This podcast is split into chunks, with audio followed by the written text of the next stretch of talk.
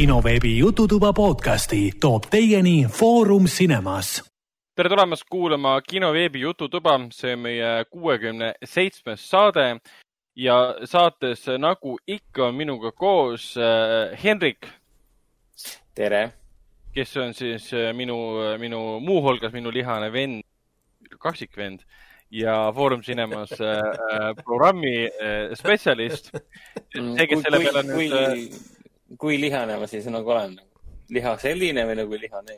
okei okay,, liigume edasi. see, kes vahepeal naeris, oli, oli Raiko, kes on siis, kes on, on Raiko. siis kultuurikriitik. tere, Raiko! tervist, tervist, tervist! ja, ja mina olen endiselt, endiselt Ragnar äh,, äh, endine kinoveebi peatoimetaja, praegune, ma ei tea, miks ma seda kinoveebi enam üldse mainin, aga igaks juhuks äh,. ja praegune siis äh, kinoartis äh, programmispetsialist äh, Äh, koroonaviirusest me siin saate alguses äh, ei ole viimasel ajal väga palju rääkinud, ega praegu ka väga ei taha rääkida, peale selle, et inimesed, käige, inimesed käige kinos, kartma ei pea. Äh, desovahendid on olemas kinodes, vahed on olemas, kellegiga nagu kõrvuti istuma ei pea, kui sa ei taha. saab sõpradega koos istuda, kui tahad, peaasi, et oled teistest, teistest eemal. aga liigume edasi, liigume edasi filmide ja seriaalide juurde, mis me oleme siin kahe podcast'i vahepeal äh, nädala jooksul vaadanud ja nagu ikka, alustame Raikost, kellel, kellel miskipärast ei ole üldse nimekirjas animet. Raiko, mis juhtus? Pole, Brad. mis juhtus, Raiko ah,? animet pole? lihtsalt ei ole, praegu on paus, ega tegelikult suvet, suvet ei olegi uh,. Mm. animetel on, noh, nagu see animehooajad kestavad tegelikult ju nii-öelda nagu klassikalised need filmid ja noh, muud sarjad omad, mis mm. kunagi, kunagi olid, nad hakkavad tavaliselt sügisest ja siis no, jah, noh, lähevad kuni siis kevadeni ja siis on nagu paus. noh, ja siis suvel sa saad neid ovasid äh,, muid noh, nagu neid äh, noh, asju, muidugi siin on erandeid, mis jooksevad nagu aasta ringi, noh, teatud mingid animed, mis on lihtsalt mingid a la One Piece näiteks, see ei lõpu kunagi ära.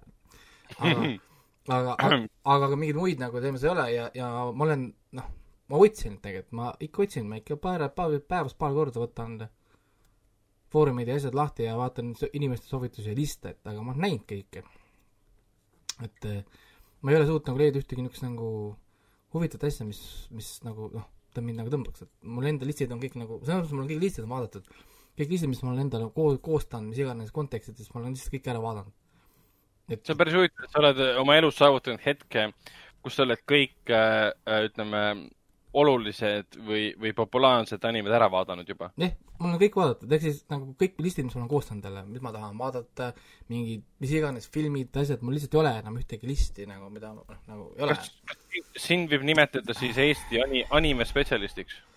Ma ei tea, Eestis on kindlasti palju animespetsialiste, sest anime et, nii, nii pop-, populaarne, et, et aga, aga, aga võib öelda, et kui Ringvaatel oleks vaja äh, mõne kuulsa anime kohta inimest, kes teaks, millest ta räägib, siis kindlasti peaks Ringvaade võtma ühendust Raiko Puustiga. Või? ma võin ikka rääkida muidugi, ma usun, et ma tean ikka, ikka, ikka rohkem kui mingi Te kuulsite seda siin, Ringvaadet, te kuulsite seda siin.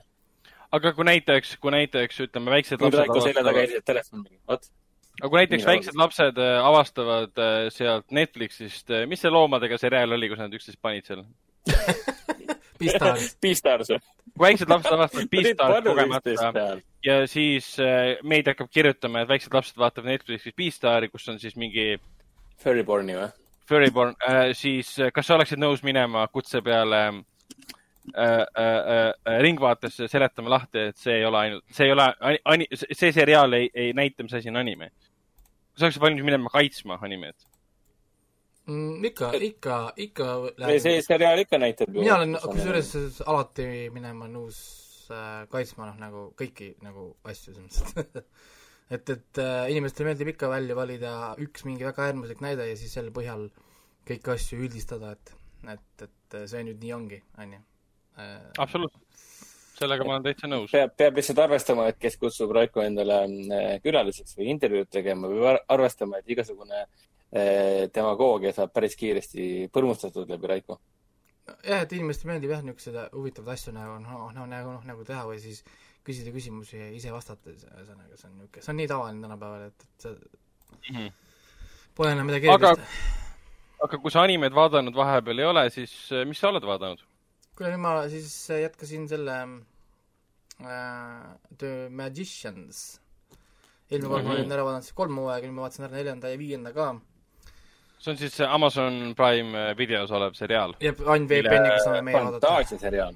täpselt, millest me eelmises saates ka rääkisime pikemalt. et ainult meie jaoks siis ainult VPN-iga, et esimesed kaks hooaega on meile, aga ülejäänud meile enam ei piisa, nii et Mhm. peab vaatama VPN-iga, jah. kuidas, kuidas on, läheb aina suuremaks või? kuule, ta väga ei muutu kusjuures, see ei ole nagu see The One Hundred, mis lihtsalt iga osa ainult keerab mingi ma, see, ühesõnaga see on omaette teema. siis äh, see on ikka nagu sama, noh, selles mõttes, et täpselt kusjuures nii nagu esimene hooaeg oli, noh, ainult see asi, asi, asi ongi muutunud, millest ma tegelikult ju eelmine kord ka rääkisin, et nad ei ole enam nii robustsed. et noh, see idee lihtsalt säilib, aga lihtsalt enam ekraani peal sa väga ei näe midagi. noh, et tegelikult viimased hooajad on selles mõttes nagu päris puhtad, et isegi väga vähe verd on näiteks, kui esimesed hooajad ikka olid ikka verised ja, ja inimesed plahvatasid ja, ja käed, käed lendasid, sõrmed lendasid, kogu aeg oli niisugust vägivaldset maagiat siis ütleme nii, või noh, maagia läks sassi kogu aeg. siis nüüd nagu kuidagi väga pehmeks on see läinud. aga, aga, aga jah, ta on päris crazy ikkagist. sündmused toimuvad hästi kiiresti, täiesti mingi utoopilisi asju.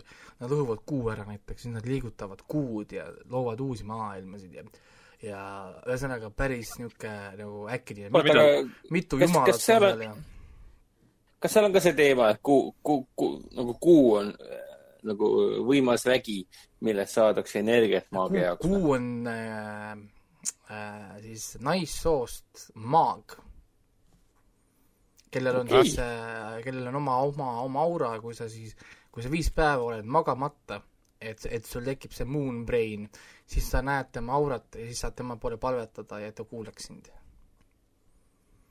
see kõlab nagu alternatiivmeditsiin, gone wrong. ja, ja, ja, ja, ja siis ongi, et neil, neil on olemas era-, era-, eraldi kultus nimega Lunatics. ahah, aa, väga kaval Aa. ton. Lunatic. Jep. ma mõtlesin, mis on lunars et et see on siis et see on siis lühend Lunar Fanatics. väga kaval, väga Jah. kaval. et, et äh, siin on igasuguseid huvitavaid asju ja mulle meeldib väga, väga neid karaktereid, väga hästi tehtud. kusjuures üllatus oli see, et nad neljandal hooajal tapsid ära peategelase. mis asja? saja Ja- pe-, aa, peategelane tapeti ära ja kusjuures nad tapeti ära tegelikult ainult, ainult sellepärast, et äh, vaata, kui ma eelmine kord kiitsin, kiitsin seda, et nad suutsid teha oma seda social justice warrior stuff'i nagu nii, et see ei häiriks, onju. siis, Mhm. siis tegelikult neljandal hooajal see läks väga crazy'ks juba kätte ära. ja, ja sõna otseses mõttes neil oli mitu episoodi, kus kohas nagu, neil oli nagu narratsiooniga nagu, vist nagu räägiti, et näed, et see on valge. et noh, val-, valge mees, mida tema ikka teha saab. ja see niisugust nagu mingi kägu ja peategelane tapeti ainult sellepärast, et oli, oli valge mees ja, ja nad isegi ütlesid seda, nad, nad nagu lõhkusid nii-öelda selle neljanda seina ära, et äh, ütlesid pealt, pealt vaatele umbes, et noh, seda ta küll ei arvanud, et, et keegi valget meest julgeb tappa. ahah, siukene lause oli kohe sees või? jah, et täiesti nagu nonsense, et ja see on siis nagu otseselt seriaali kirjutajate poolt loodud moment sisse, mis kommenteerib meelega. jah, kas see nagu looga oli kuidagi põhjendatud ka väljaspool seda, no et selles mõttes, et oli umbes self-sacrifice ja blablabla, et aga aga samal ajal, kui kõik teised karakterid, kes ennast ohverdasid, ära surid, kõik, kõik, kõik toodi, toodi tagasi, alati leiti mingi maagiline spell kuskilt ja kõik, kõik said tagasi, onju. siis mm. -hmm. siis teda ei saadud tagasi tuua. ja muidugi sellega tegelikult sari nii-öelda kirjutas tegelikult enda surma otsusega alla. et Mhm. viies hooaeg oli madalate reitingutega ja sai ka cancel, ehk siis kuuendat ei tule. ahah, ehk siis aga sa- aga kõige hullem oligi nagu see, et nad tapsid ära valge peategelase, samal ajal terve viies hooaeg ikka, kes keerles selle valge peategelase ümber siis, sest äh, noh, ta oli peategelane, sest kogu story tegelikult, see, mida, sari tegelikult, kõik oli see, kujuta ette, et sa oled Harry Potteri filmis, sa tapad viiendas filmis Harry Potteri ära. see on suht ma oleks tapnud ta juba neljandas ära, selle Cedric Diggory asemel. et, et, et mulle jah, selles mõttes nagu ta veits ammendas jah ennast ära lõpuks, ütleme nii.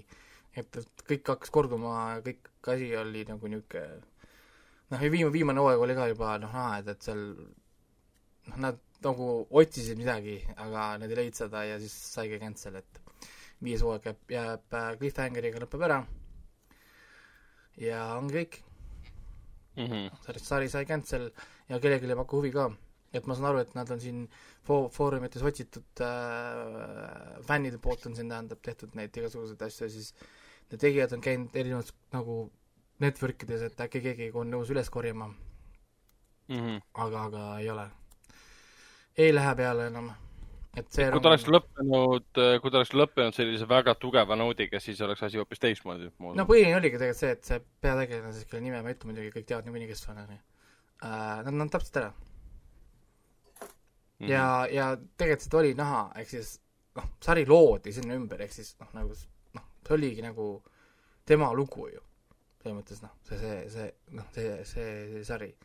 kohe, kui tema kadus nagu ära, kõik nagu, tema oli tegelikult, mis sidus need karakterid omavahel kokku, on ju, saad aru, ehk siis noh, teda nagu ei olnud, sest see asi oli väga nagu lihtsalt veider ja tunduski lihtsalt koost ära, noh, ühesõnaga niisugune lihtsalt hunnik sündmuseid, millel ei olnud mitte mingit tähendust sees otsa okay., nii et äh, viis, viis hooaega on ja kuuendat ei tule.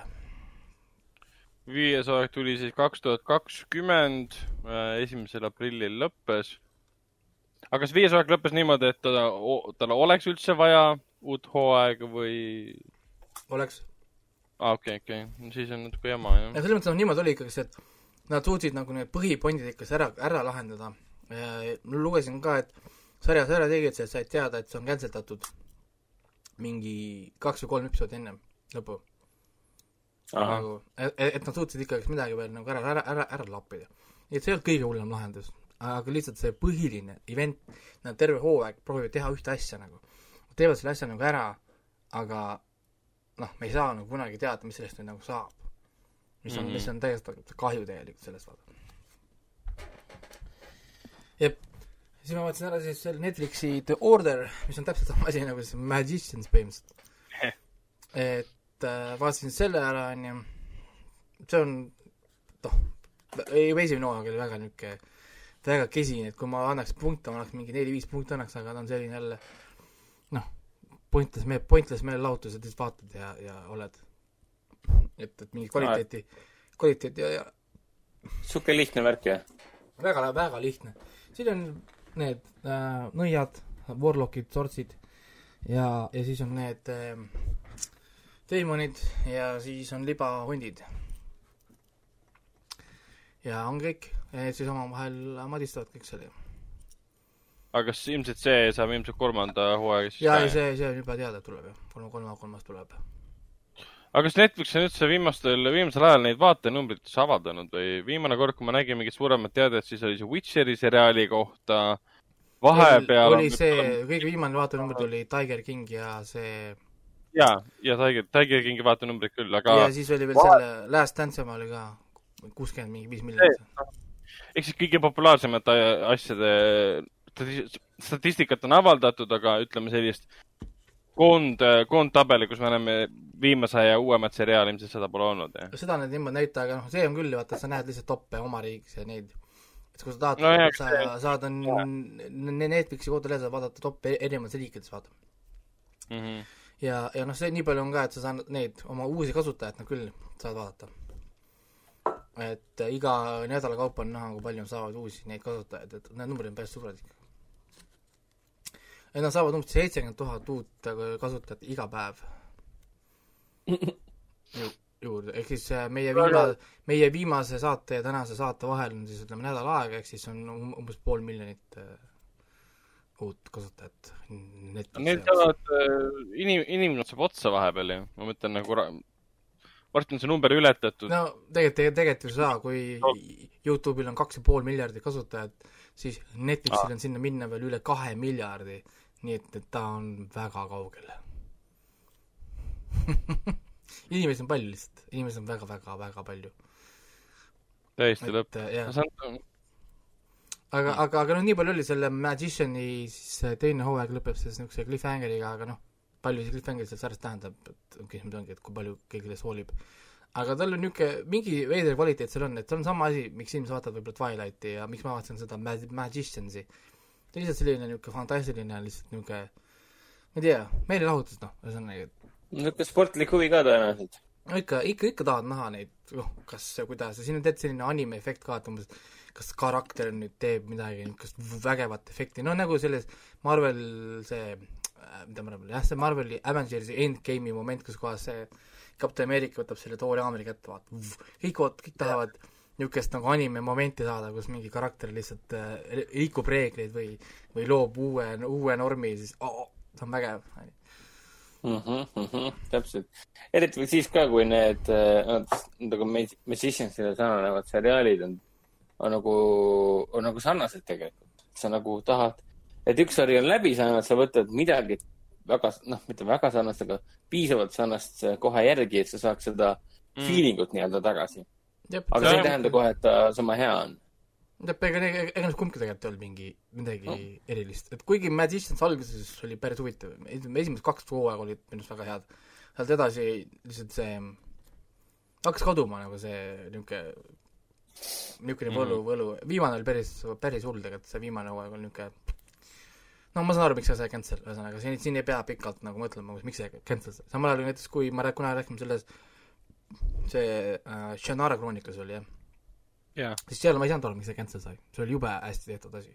aga seal oli muidugi, see oli see teema, see MTV teema ja siis see Spike tv oma, kus lihtsalt liigutati sarja ringi, nii et vaata, numbrid kadusid ära, on ju, ja, ja seal oli see teema. Okei okay., ja siis ma muidugi, nüüd ma vaatan ju seda ju, kolmas viie päikesest. Third Rock for the Sun. esimesed kaks hooaega läbi vaadatud juba no palju seal üldse kokku on? kakskümmend osa per hooaeg ja need on kahekümne mindased osad, nii et, et ja palju kokku on? kuus hooaega vist oli või? või viis, viis või kuus hooaega, ma ei täpselt ei teagi. üheksakümmend kuus algas, nii et äh, mis ta lõppes, kaks tuhat üks, kaks tuhat kaks äkki siis või? kuus hooaega, sul on õigus, jah. Ja mu, noh, see on ikka nii hästi tehtud, et ma üldse, mina mäletasin seda hoopis teistmoodi noh, minu mälestus, ma nagu, isegi praegu, kui ma vaatan episoode, mingi episood algab, sa loed nimekirja, no ma ei tea, nimekirja, seda pealkirja tähendab, näed pealkirja, siis aa oh,, hiljuti see on see osa, kus nad lähevad hotelli näiteks, on ju. ja siis nagu noh, see on kõik, mida sa mäletad, vaata. ja siis hakkab, hakkab asi pihta, iga asi tehakse ikka nii huvitavalt ikka ära, täitsa jube ikka, päris kihvt. ja muidugi noh, see John Lithgow ikka on, nagu sündinud selle rolli jaoks, kurat, see on ikka nii, nii hästi. noh, kuigi jah, täna ütleme, kõik kommentaarid ja asjad, kui loed selle kohta, kõik on see, et see, see on ju see Trini-, Trinity Killer Dexterist, on ju. et aa, okei. et, et aga aga, aga seal on ta ikkagist nagu, see on nii ükskord, sest ta vaatab, kui ta kuskil peeglisse kõnnib, kõnnib mööda, jääb vaatama ennast. You are gorgeous see on sa oled serial, serial killeri küll, jah? et see on nii kihvt nagu, oh, et siin oli alles viimane episood, kus ta oli enda peale solvunud, et et ta valetab sellele Merile, et on tulnukas ja, ja noh, kas siis selline on hea inimene ja siis ta kõnnib peeglist mööda ja näeb ennast peeglist, oh my god, you are so gorgeous. See on nii, see on nii loll, aga lihtsalt naerad ja ma ei tea, lihtsalt, ma ei tea, kes seda kirjutas, aga ta on ikka nii puhas ja nad muidugi viskavad sisse mis... ka neid, kusjuures neid kultuurireferentse näiteks. Nad, nad, nad tegid seda tööruumist seda You are tearing me apart, Dick. tegid või? jaa, jaa, see oli nii kihvt. oota, The Room oli kaks tuhat, issand jumal. aa, see oli viima-, oot-oot-oot, aga The Room oli ju, ma vaatan üle, mis aasta The Room oli. kaks tuhat kolm. kaks tuhat kolm, seriaal lõppes kaks tuhat üks. okei okay,, siis, siis, aga no siis siis, siis nad tegid seda originaali. originaali, originaali. siis nad tegid seda Deani, selle oma, noh, mis ta oli? Deani või? James Deani seda filmi, kus ta ütleb, see ju tear me apart, ja, ja, ja. aga, aga kusjuures ta tegi, ta minu arust samamoodi nagu tegi, ta tegi seal ruumis hästi halvasti, nagu niimoodi nagu äh, üle aga asi ongi selles, et see James Deani see lause, mis ta ütleb, on ülimalt üle mängitud, aga kuna seda ütles James Dean, siis see mõjus jumala võimsalt. aga kui mõni teine näitleja seda teeb, ükskõik mis kontekst see on, see kõlab naeruväärselt. ja, või seal, seal samamoodi, siis samamoodi, kui nad äh, plaksutasid, siis nad tegid äh, kõik koos seda. nagu mis see tähendab? Friends. aa, okei okei Friendsi, Friendsi plaksutamist. ei no, ei no seal oli, et see Tiik tuli lihtsalt, kuule, aga me oleme ju sõbrad ja siis tuli see. okei. ei, see on päris hea. ei, nad viskavad pidevalt sinna sisse niisuguseid asju, et, et aga need on niisugused, noh, sa pead tegelikult ikka, ikka nagu teadma, sest mis oli tol ajal üheksakümmend kuus, üheksakümmend seitse, mis olid tol ajal niisugused nagu äh, asjad, noh, mida nagu teha aga see on nii andekas, minu arust iga episood on niisugune nagu täis ikka päris palju asju tahaks nagu tsitaate võtta sealt, mingi ainult kihve ja miime lõigata välja sealt, noh, nagu mingi ta on ikka kuld, ta on ikka väga-väga nagu kuld Mm. ma nagu aga mis, mis see miski on, mis selle sarja äh, niivõrd aegumatuks ja naljakaks teeb? no see, et ta on, nagu teemad on samad, aga, aga just seesama, et nad nagu võtavad nagu need nii toorelt vaata ette, sellepärast et nad on tulnukad, nad ei tea. nagu ja siis see ongi see, mis selle nagu naljakas teeb, et te-, et, et, et, et sa saad aru tegelikult enamus asjad nagu pseudoprobleem, näiteks sama, millest ma eelmine rääkisin, kuidas nad selle äh, noh, nii-öelda rassismi ja nendega tegelesid. aga mul on ju must, olge nii, olgu Niina ja siis võtab selle, kirjutab sinna, sinna peale, paneb talle plõks peale, sest tema tulnukana, tema ei tee inimestel vahet, vaata. Mm. no siis selge, ma nüüd saan aru, et sa oled must, panen sulle selle sildi siia ära, kui sa kogu aeg seda kordad. onju, noh, me nüüd kõik teame, et sa oled ka, onju. väga, väga päevakajaline. ta on niisuguseid, niisuguseid asju või siis resto-, restoranis on ka, et umbes, ärge tekita mulle piinlist, miks? sest äh, see on piinlik, aga miks äh,? ma ei teagi, miks. ma saan aru, ja, ja siis ikka hakkab tegema jälle midagi eriti niisugust nagu e ekstravagantset või noh, see, kus need pulma läksid, oh issand, ta peab pulmakõnet, oh jumal küll. siis tema ei tea ju neid reegleid, et ei tohi rääkida või noh, ei tohiks ava-, avalikult rääkida näiteks oh, enda ja partneri seksielus, vaata. tõsi, okei, okei. hakkab seal lahkama ja oo oh,, tead, mis meile meeldib. aga õnneks ma mäletan sellest seriaalist, et, et äh, enamus nalju tegelikult seriaalis ei olnud ehitatud äh, siiski nagu üksipäini selle peale üles, et nad on tulnukad ja aru ei saa. seal alati nendes, selles huumoris ja mingisugune kõrgem tase alati sees, et ei jäänud sellele lihtsale tasandile, et ah, me, me ei ole siit pärit, me ei saa asjadest aru, see, see muudab asja naljakaks. et nad alati suutsid kuidagi väga huvitavalt seda kirjutada. ja ikka Ja on see- ja ei, siin, siin on nagu niisugusest, siin on te- teadust ka päris palju, siin on päris palju seda Big Bang Theory taolist ka äh,, seda huumorit.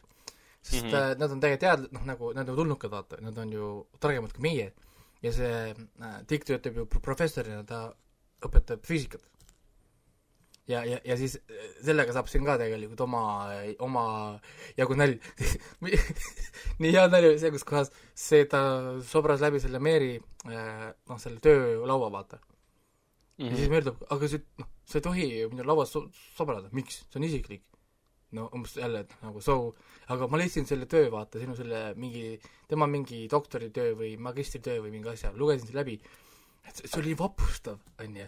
siis see, see Meri, oh, oli nii meelitatud, kas tõesti, et umbes sinusugune see tark mees leiab, et see on, noh, see va- vapustav, et see on kompliment, siis see, ma pole nii naljakat ammu lugenud. ja siis ta ütlebki, et umbes, et ma naersin nagu iga leht, et see, ma pole, noh, nagu see on puhas kull, et sa peaksid olema stand-up koomik. okei. see veits kõlab küll nagu Big Bang Theory stiilis huumor. jah, et, et no seal on küll niisuguseid, jah, niisuguseid tõesti. nagu, niisuguseid, niisuguseid, niisuguseid momente nagu, kui nad lähevad, kui nad just noh, teaduse ja asjaga kokku puutuvad, kui ta teiste professoritega on koos, siis seal on minu arust väga palju niisuguseid isegi väga sarnaseid momente Big Bang Theory, kus nad on noh, oma selles ülikooli linnaku või see söök, sööklas istuvad ja värgid, väga niisuguseid sarnaseid Big Bang Theory nagu niisuguseid momente. et jaa, ei, kindlasti kui inimestel on, kusjuures mina, mina vaatan seda sellest äh,, mis on see Daily Motion oli või?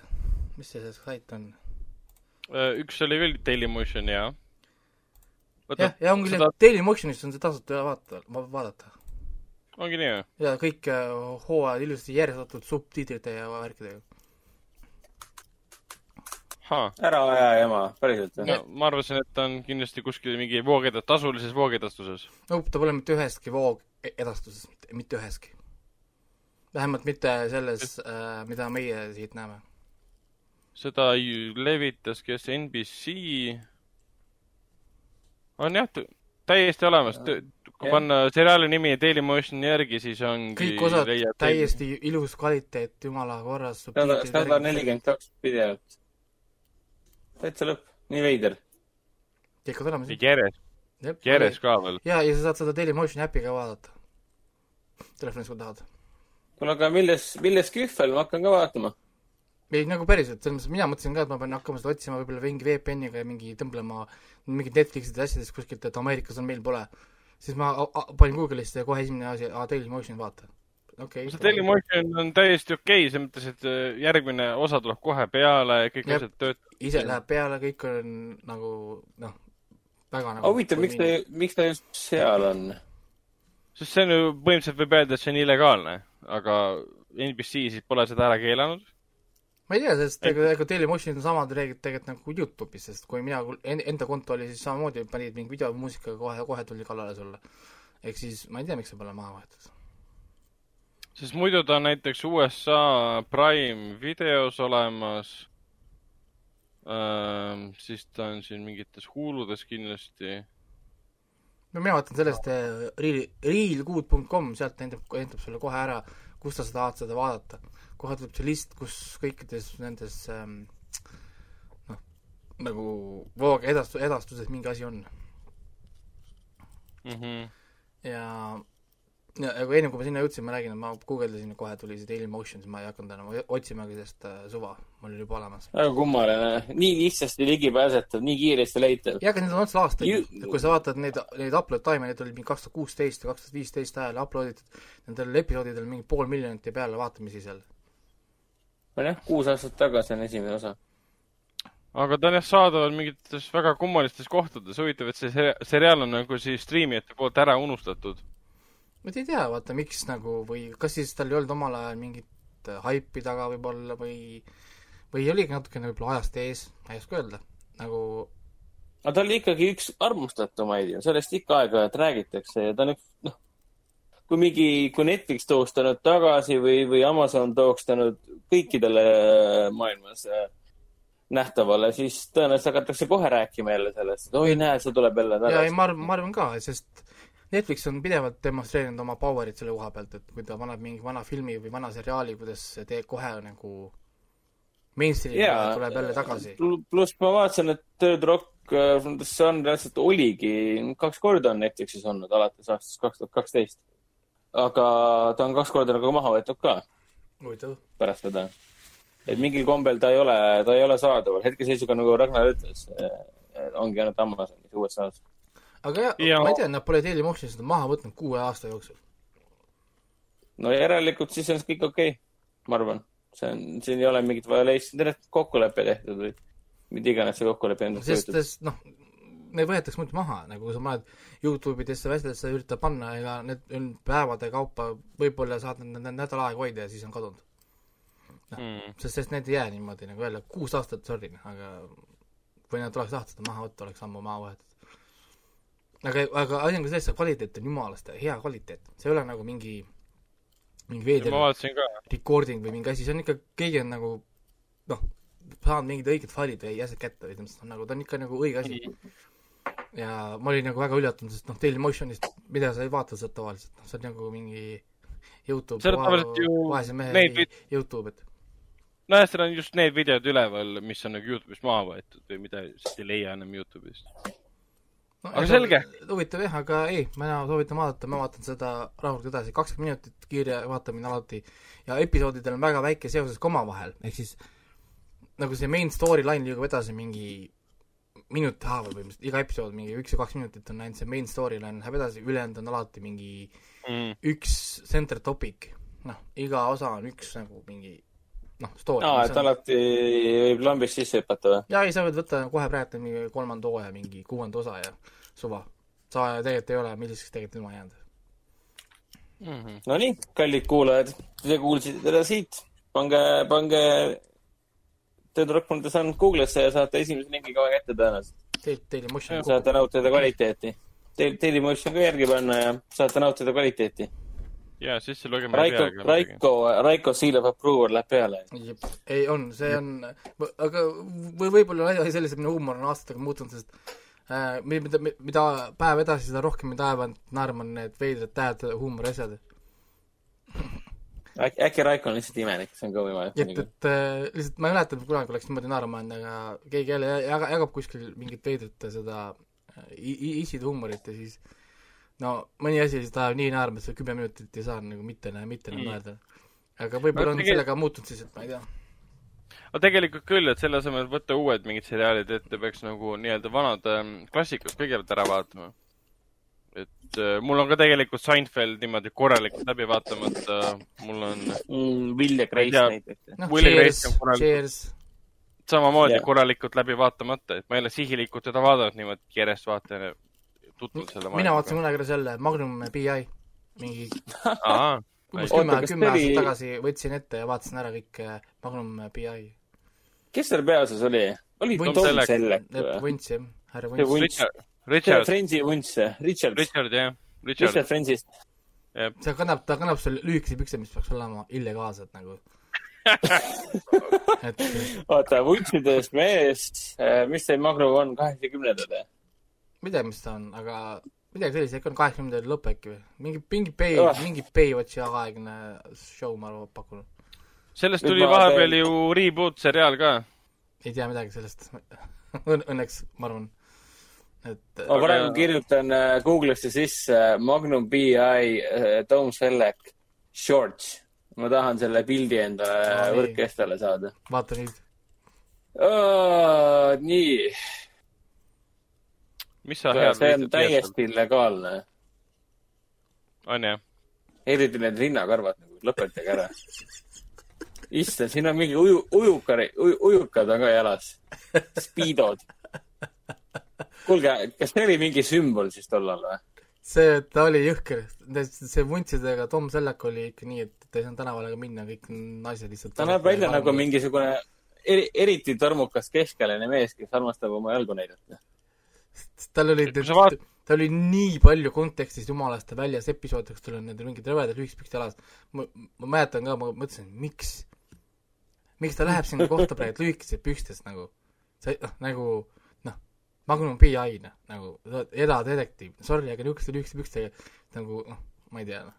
aga noh, ma ei tea, tolleaegne värk, et keegi kuskil Jah. otsustas seda, et, et on vaja. ja mina vaatasin seda ära kunagi ja ma, ma vaatasin, see oli umbes tollal, kui ma vaatasin ära MacGyveri, ma vaatasin ära siis selle Airwolf ja ma mäletan isegi selle teemalaulu. A-rühma vaatasin ka jah, ma, mul oli see neli Ah, neli asja, mis ma kunagi lapsena nägin mingi suvalist episoodidena vaata, kuskilt siit-sealt. siis ma mingi hetk Mhm. mõtlesin, kurat, ma nüüd võtan ette ja vaatan kõik need ära, noh nagu ise, nagu ilusti. siis äh,, aa, Night Rider ka, siis äh, ja vaatasin ära oota ja, kas, kas ka, kas ka Team Knight Rider või? ei Hmm. ei mm -mm. kas, kas see on asi, millest me ei räägi kunagi või? Michael Knight ainult, ainult selle vaatasin. mulle väiksena Team Knight Rider meeldis, aga mul on ka tunne, et ma vist ei hakka kunagi isegi Youtube'is no mind, kusjuures mul selle on meeles, et see oli ikka räme juust. selle Night Rideri juures mind häiris kõige rohkem see, et see David Hasselhoff on ebanormaalselt ilus mees lihtsalt. see lihtsalt käis ei- pinda, pinda täiega nagu vaata nagu what the fuck. Mind häiris see, et ta oli nii pikk ja tal oli hästi tohutu suur sonks, mind häiris see. aga muidu oli normaalne. ega, aga ei, ma vaatasin ära ja minule hullult meeldis A-rühm. nagu mul oli No. nagu A-rühm oli tore, sellega ma olen mul nendest nõus. kolmest alati meeldis MacGyver kõige rohkem, MacGyver oli sest niisugune äh, MacGyver oli kõige sümpaatsem minu jaoks. no mul oli nagu see, et nagu see convenience level hakkas mulle lõpuks No, pinda jah,, hakkas mulle hakkas mulle pinda käima, ehk siis mulle tundus tihtipeale, et oligi tehtud nagu võib-olla teismelistele poistele rohkem kui äh, täis, täiskasvanud, täiskasvanutele, sest kuidagi Nojah, lõpuks noorem ei saanud ju aru, et- võlu, et lõpuks ei saanud aru, et kas ta on geniaalne või on ta lihtsalt äh, random. Lucky, Lucky oli ka, et Jah. nagu Lucky liuk, noh. noh, niisugused päris nagu convenience level oli küll vahepeal nii, et nagu okei okay,, okei okay,, see on nii, aga, aga viktoriini küsimus. mis on MacGyveri eesnimi? aa, vot see oli lihtsalt see ka- kavalane, see oli mingi veider, oota. see oli mingi väga kummaline kui ma nüüd ei eksi, siis ühes kindlas episoodis see esmakordselt avalikustati. ma muidugi ei mäleta see oli hästi veider nimi oli, oota, oota, oota. Jaa, on küll. oota, oota, oota äh,. ma mäletan, mina sain teada seda teada esimest korda ühes kindlas episoodis. minu, minu teada, kui ma väike olin, siis varem mitte kunagi seda teada ei mingi, kas mingi G-ga ei olnudki või? G-täht on seal sees küll, jah. oota, oota. Tal oli mingi esimene. apostlite nimi või midagi või, ei olnud või? kas see oli Ma ei mingi ajalooline ma nimi ei ei või? suuda seda välja võtta, ma ma tean, et ma olen seda kunagi, suhteliselt Kunagi äh, kunagi- ajalooline nimi on, jah. ma olen seda kunagi otsinud ja, ja kunagi see oli, kuskilt käis see läbi. ja, ja okei okay,, ma, ma nüüd pean seda tema, kas ütlen ära või? noh, tema eesnimi on Angus Aa, jaa, jaa, jaa. Angus MacGyver. jaa, kurat. kas see Anguse on nimi mingisugune- tuli mingis episoodis Iiri, välja Iiri ka?, Iiri soti. minu meelest, kui ma, kui ma väike olin, siis ma nägin, oli selline episood, kus MacGyver kõndis äh, rõõmsalt õnnelikult mööda tänavat ja siis tal kogus lillepott pähe. ja siis ta, tuli see kohustuslik epifiller episood, kus ta läks Issand. tagasi minevikku kuskile mediivaalaega, keskaega. kuningas Artur oli koos seal. mingi Artur või ei mäleta, mis värk seal oli, aga igatahes ta oli seal mingi rüütel ja päästis seal inimesi ja, ja, ja siis seal avalik, siis ta ütleski seal kellelegi vangis olles või midagi taolist. ta ütles, et my name, my name is Angus, Angus MacGyver. ja siis episoodi lõpus ta ärkas ülesse ja siis ta ärkas vist niimoodi ülesse, et ta vist oli kõik need tegelased eh, seal oma, oma mineviku episoodis kokku pannud nendest inimestest, kes pärast lillepotiga tabamist teda püüdsid eh, aidata. Midagi sellist. see, see, ma saan, ma saan selle küsimusele vastata, sest mul on Vikipeedias on kohe, see on first name äh, lõik on kohe olemas. see, väga huvitav see, et algselt MacGyveri eesnimi pidi olema Stacy Stacy. ja aa, see on nagu sellel gender'il on ju, mis gender'i keskmine nimi oli? Muriel. Muriel, jah, Muriel et, et oli, et äh, esialgne Paramounti press release äh, oli ta kui Stacy MacGyver wow.. siis äh, seda hoiti saladuses kuni seitsmenda hooajani, kus kohas äh, seesama, mis, mis sa just räägid, et oli see osa, kus kohas ta äh, kaotas teadvuse ja siis äh, ühesõnaga seal hallutsinatsiooni ajal ta kohtus seitsmenda sajandi mingit meest, kellele vot ta siis ma mäletasin ikka õieti ütles, jah. kellel ütles oma nime Angus, sellepärast et selle mehe nimi oli, poja nimi oli ka Angus ja siis hiljem kaheksandal hooajal või viimasel hooajal ta äh, nimi tuli veel ühe korra välja, kui tema enda poeg, MacGyveri poeg äh,, kannab siis tema nime kui keskmist nime, ehk siis ta poja nimi on ka Angus MacGyver. oota, kas see- ta sai poja endale lõpuks või? jep, kellega? seda ma ei tea, kellega siin peal kirjas, siin on lihtsalt poeg. ja oli, see oli vana, vana seriaal, seal oli tähendab see, et ühel hetkel ilmus poeg välja, vaata seda, seda suhe, suhteosa ilmselt ei olnudki. No ei ole- ongi poja, poja nimi on Sean Angus äh, Malloy, ehk siis äh, ma saan aru, et see Jah. e episood, mingi naine tuleb hiljem kuskilt tal välja, jätab talle selle poisi ja siis naine kaob ise ära ja siis äh, hiljem ta näitakse surnuna. ehk siis talle jääb see wow., ehk siis see on selle mm fotoajakirjaniku Kate Malloy äh, Malloyga sai siis lapse, kellega tal oli kõik ülikooli ajal oli äh, see suhe, ühesõnaga, ja siis ta saabki, noh, nagu jah, et naine on surnud, ta lihtsalt saab teada, et tal on see poeg ja blablabla bla, Mhm. bla. ja niimoodi see läheb. no selge, väike, väike põige minevikku ei tee kunagi, kunagi halba.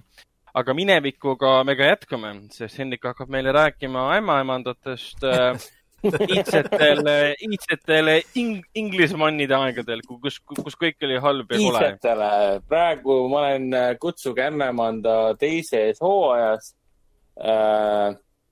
ja, ja praegu on vist aasta tuhat üheksasada viiskümmend kaheksa, Ah, kui okay., kui ma nüüd ei eksi. mis mind üllatas see, et, et esimene, eelmises saates mainisin ka, et iga hooaja alguses on see kohustuslik äh, Christmas special ehk siis jõulu eriepisood. Yeah. aga mind üllatas see, et see ei olnud lihtsalt iseseisev äh, jõulueri episood, vaid see episood oli tehtud kaheks osaks. et ta on ikka täisvereline osa, ta ei ole mingisugune ninnu-nännu spetsiaalne episood, mis on lihtsalt selleks välja mõeldud, et jõulueri teha. Mm -hmm. kuigi ta on sellise nime all justkui IMDB põhjal olemas, aga ei, tegelikult ta on täisvereline osa ja kuulub nagu hooaja alla. Aga teine hooaeg läheb jah, üks, üks tegelastest, üks põhitegelastest hetkel justkui nagu lahkus uh,. ma nüüd ei tea, kas ta hetkel tagasi tuleb lahkus Äh, nagu, nagu meie hulgast või, või läks ära ah,. ei, sarjast, sarjast, sarjast ah,? Ah, kirjutati, kirjutati välja, miks, seda ma ei tea. tõenäoliselt ma hakkan neid tagamaid uurima alles siis, kui see Mhm. seriaal läbi on. ma enne, enne ei hakka oma, ma ei tea, meelehärmi tegema, et äkki keegi oli produtsendi peale vihane, mis iganes. see ei Mhm. huvita kedagi äh,.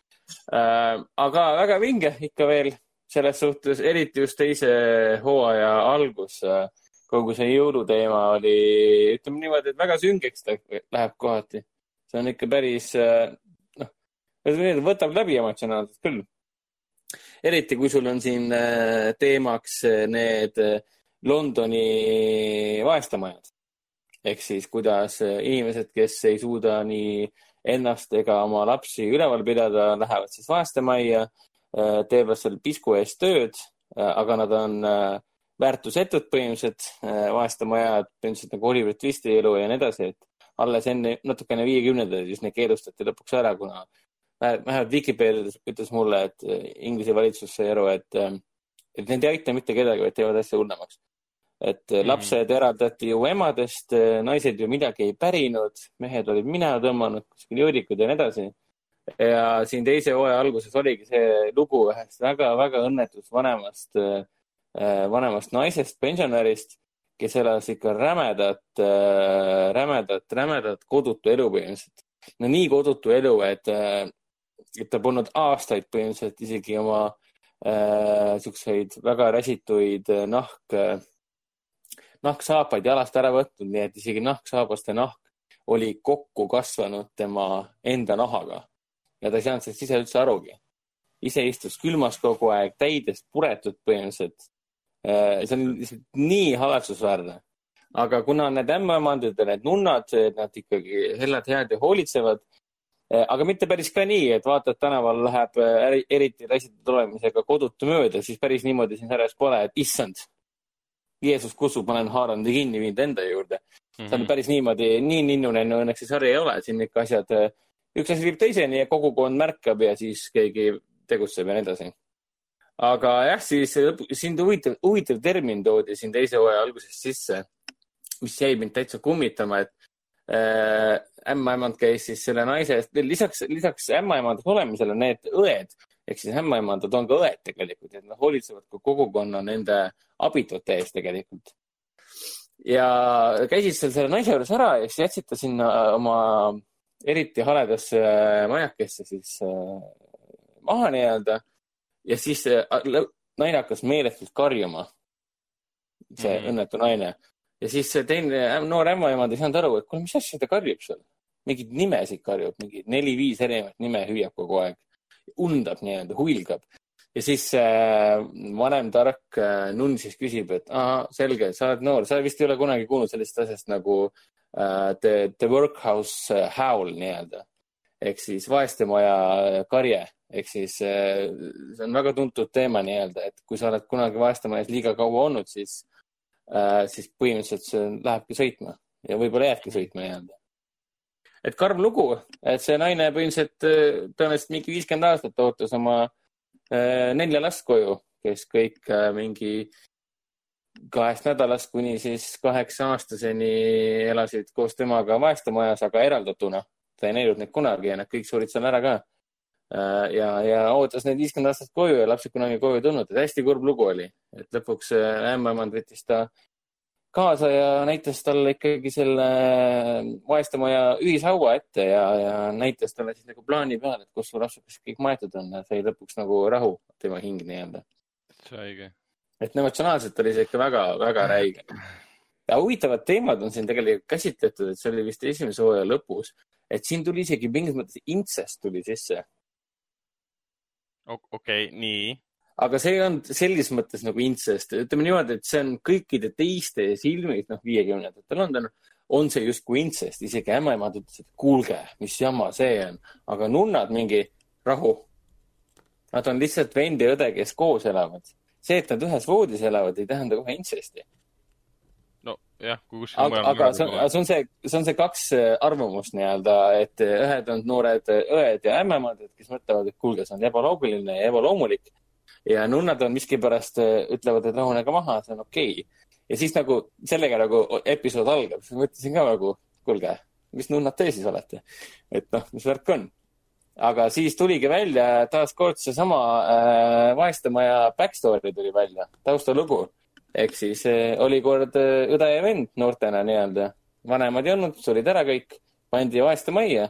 aga kuna seal olukord on ikkagi no, nii rööstitu ja nii hullumeelne pidi seal olema ja nad eraldati, vend ja õde.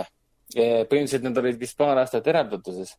aga nad, kuna nad äh, õe ja vennana hoidsid kokku, armastasid üksteist nii väga, siis äh, vend äh, hädavaevu leid- leidis õe aastaid hiljem maastumajast ülesse. Põgenes temaga sealt koos ära, läksid kuskile suvalisse äbarikku majja elama, tegid selle imeilusaks ja nii siis, siis kõik need aastad hiljem pensionäridena elasid ikka veel koos nii-öelda. et nende teema oli see, et äh, nad olid taaskord midagi nii kohutavat nagu hingeliselt nii kohutavat, emotsionaalselt nii kohutavalt läbi elanud, et äh, nad ei näinud ühtegi põhjust, miks nad ei peaks elu lõpuni koos elama. et see otseselt ei olnud intsesti teema, aga kõik noored need ämmaemandad vaatasid, et issand, nad magavad kahekesti ühes voodis, et kuidas see on, õpetage ära. ja nunnad mingi, kuulge, kui te pole elu näinud, siis käi, käi nahk nii-öelda. et noh, see on nagu, minu meelest on päris tore, et, et see on nagu nunnakloostris on enamik tegevustikust, sündmustikust leiab ju aset, aga ometigi seda, seda, seda, seda nunnaelu ja sellist, sellist eriti kristlikku lähenemist selles sarjas nagu otseselt ei leiagi. et aeg-ajalt tuleb meelde, et ah õigus jah, nunna.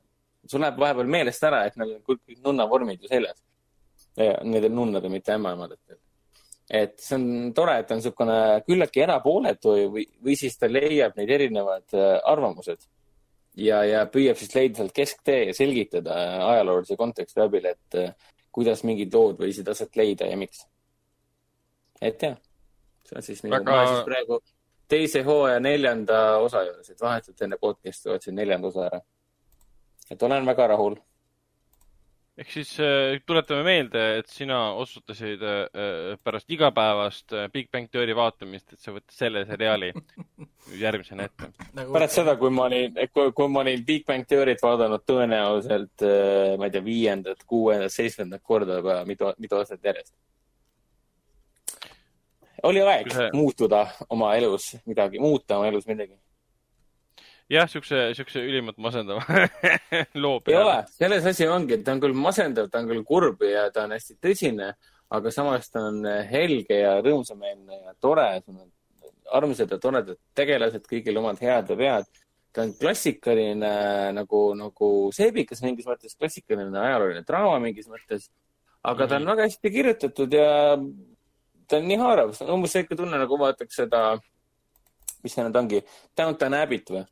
Downton Abbey't ma tõenäoliselt tahaks ka nüüd vaadata kohe, kui see ämmaemanda mul on läbi, sest ma jõudsin Downton Abbey'st teise hooaja alguseni. ja filmi ma vaatasin ka kinos ära, ma olin teise hooaja alguseni, seriaali vaadanud, seal vist mingi neli hooaega või viis hooaega polnud kokku, seal oli, ma ei mäleta. ja film sellest sõltumata toimis väga hästi, nii et Downton Abbey on ka väga nakkav äh, seriaal, nii et korraks annad paar, paar episoodi oma elust, vaatad rahulikult lõpuni välja, kuna ta on lihtsalt liiga põnev. et jah see oli minu sari, et ma ei olegi rohkem midagi jõudnud siin hektilistel aegadel äh,, aegadel va- mis, mis, mis hektilistel aegadel, meil oli siin äh, pühad olid ju, pidigi rahulikult võtma. õigus jah. oli jah, jaanipäev oli vahepeal siin ka, õige jah. no täpselt jah, kaks päeva olid tegelikult pühad ja ei pidanudki midagi vaatama, sai lihtsalt lõket vahtida vahelduseks. vot äh,, liigume edasi, liigume edasi, mina mainin, et äh, ma olen siin, olen siin äh, praegu hetkel Cannes'i, Cannes'i filmifestivalil tegelikult äh,. seekordne Cannes'i filmifestival ei leia aset äh, Lõuna-Prantsusmaal äh, Cannes'is, vaid kodus arvuti taga ehk siis Cannes'i filmifestivali kõik see March to Film programm mis, mille alla lähevad kõik konverentsid konverentsid, vestlused, mis iganes, pitch meeting ud, kõik toimuvad Zoomi vahendusel põhimõtteliselt või läbi nende äpi, mis nad lõid. ja filmide vaatamine samamoodi. Kogu süsteem töötab niimoodi, et kui sul on to Filmi pääse olemas, lähed vaatad filme, sul on seal filmid olemas, mis on nagu vabapääsmega, ehk siis paned tööle õigel ajal ja vaatad ära. osa filmid on niimoodi, et sa pead sealt sellise, selle request'i tegema, et nad vaatavad sinu sisu läbi, miks sa tahad seda filmi vaadata ja siis otsustavad, kas annavad sulle loa või mitte. Ja süsteem on päris lihtne tegelikult, et sa võt, otsid selle filmi välja, vaatad, millal ta peale hakkab ja esimese tunni jooksul, sellest hetkest, kui ta on peale hakanud, sa saad seda filmi, filmiga alustada. kui sa pärast tund aega tahad peale panna, siis ta enam tööle ei lähe. aga siis ma olen siin paari filmi olen vaadanud, mis endale tundus hu- huvipakkuvat, siis ma vaatasin ära sellise Taani, Rootsi, Norra filmi nimega Daniel, mis on lavastatud siis ühe, üks, üks kaaslavastaja tegelikult siis on Niels, Niels Andres Oplev see on siis mees, kes tegi hiljuti Hollywoodis Flatlinersi, millel on siis kuri, kurikuulus hinnang äh, Rottenis. miks sa ei alustanud heast asjast? oota, oota, ma jõuan sinna. Flatlinersi, kus mängib Ellen Page ka veel. sellel on vist Rottenil äh, mingi kaks protsenti või, või null protsenti oli vahepeal. see on siis selle kuulsa, kuulsa Joel Schumacheri, kes hiljuti lahkus äh,. Äh, Flatlinersi õuduka, kus mängis Kiefer Sutherland ja Julia Roberts äh, uus versioon. kas Schumacher tegi jah Flatlinersi originaali või? ja, ja, jaa. täpselt. aga Oplev on tegelikult see mees, kes tegi selle esimese mm, lohetätoveeringu tüdruku filmi äh,, Rootsi versiooni siis.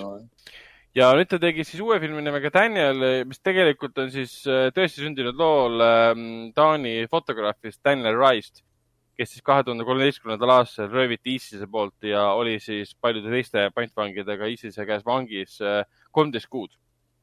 ja see ongi tema lugu. tema. jah, ja päris karm, väga karm film on, et see tema elust äh, üleelamistest tähendab raamatuid kirjutatud, ta on sellest igal pool rääkinud, seal oli üks Ameerika ajakirjanik ka, kes, keda võeti kinni, keda mängib Toby Kebbell, keda ma olen näinud siin mitmetes filmides, alates, mis, loetleme nüüd mõnda filmi. ta oli äh, Dawn of the Planet of the Apes'is näiteks jaa., kus ta mängis seda, seda ko Kobat või mis see nimi oli, CGI ahvi, siis ta mängis Doctor Doom'i näiteks Fantastic Fouris, ta mängis Rock n Rolla Sky Ritchie filmis. ta, kus ta veel on tuntumad rollid, ta oli Kong Skull Islandis näiteks, ta on hästi-hästi tuntud nägu, aga ta on tuntud, tuntud hoopis teise asja poolest, ta on pigem tuntud äh, motion capture näitlemise poolest. Ja ta hiljem läks üle siis päris, nii-öelda päris näitlemise poolest. aa, ja ta mängis ju, Bloodshot'is mängis ju. jah, ta mängis Bloodshot'is seda. jaa, ta mängis tüüpi. seda ühte pahakest, jah. jah, aga, aga film ise on selles mõttes väga klassikaline, et sul on, sul on noor fotograaf, kes tegelikult on gümnasist, käis võistlusel, kukkus võistlusel läbi, tegi endale viga, tahab uut elukutset, hakkab fotograafi assistendiks, lõpetab muidugi siis Süürias, võetakse ISISe poolt vangi siis me näeme lihtsalt järjest, kuidas teda esiteks piinatakse, temaga manipuleeritakse, viiakse teiste inimestega kokku, kes on ka röövitud, keda võeti ka kolmteist kuud umbes kinni. Ja, ja samal ajal me näeme tema perekonda, kes siis ajavad äh, neid äh, juhut, neid, neid, kuidas nüüd öelda, leivatükikesi taga, et kust nende, nende siis poeg äh, olla võib või see vend olla võib näiteks. et äh, selles mõttes ta on tüütult klassikaline, aga ta on, kuidas öelda, Skandinaavia filmi kohaselt suurepäraselt lavastatud, ta näeb ülimalt kena välja, näitlejatööd on umbes siuksed, et jälle näitlejad on mingi surmani ennast ära äh, näljutanud, et rolli sobida, see on nagu, sul jääb mulje, et neid reaalselt pekstakse seal äh, väga kusjuures tüüpiliselt kujutatud äh,, siukese ilgelt klišeeliselt kujutatud ISISe võitlejate äh, poolt teda siis nagu piinati. see, mis nagu häiris, see oli selline läänelik, selline Hollywoodilik äh, versioon sellest, et milline on ISISe võitleja. et selle koha pealt tekkis küll selline tunne, et kas ma vaatan nüüd Taani filmi või vaatan Hollywoodi filmi, et niisugune Michael Bay, Aga- Roland Emmerichi stiilis. aga see on otseselt ongi. no kõik ei saa olla Hol- Hollywoodiliga mustvalged selle koha pealt, et aga äh, äkki ongi. nad on, nad on kohutavad inimesed, aga kõik kohutavad inimesed ei saa olla ühesugused. Aga kui me saamegi teada, et elu ongi Hollywoodiliga mustvalge? see oleks päris äge tegelikult. see oleks päris, päris, jah, jah, palun jätka. aga ei, Daniel, Daniel, mina vaatasin seda siis Cannes'is, ta oli seal Trust, Trust Nordisk, Nordic näitas seda, see on see levitaja siis.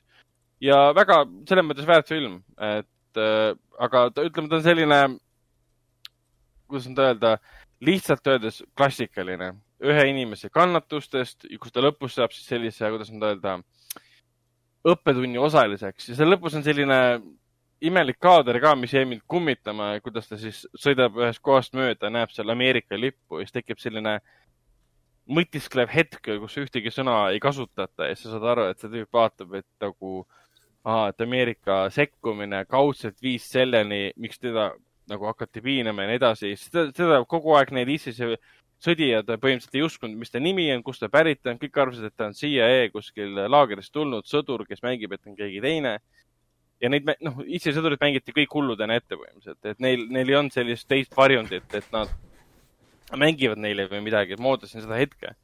aga seda nagu ei olnud. et äh, selles mõttes tore film äh,, hästi tehtud film, aga midagi uut selle koha pealt ei pakkunud. aga kinofilmina tõenäoliselt niisugune Jaa, võib kino- öelda ka jaa, niisugune jaa. era- erakordne draama pigem või? absoluutselt, kinofilmile erakordne draama uh,. siis ma vaatasin ära uh, mis USA järje, järjekordne või erakordne?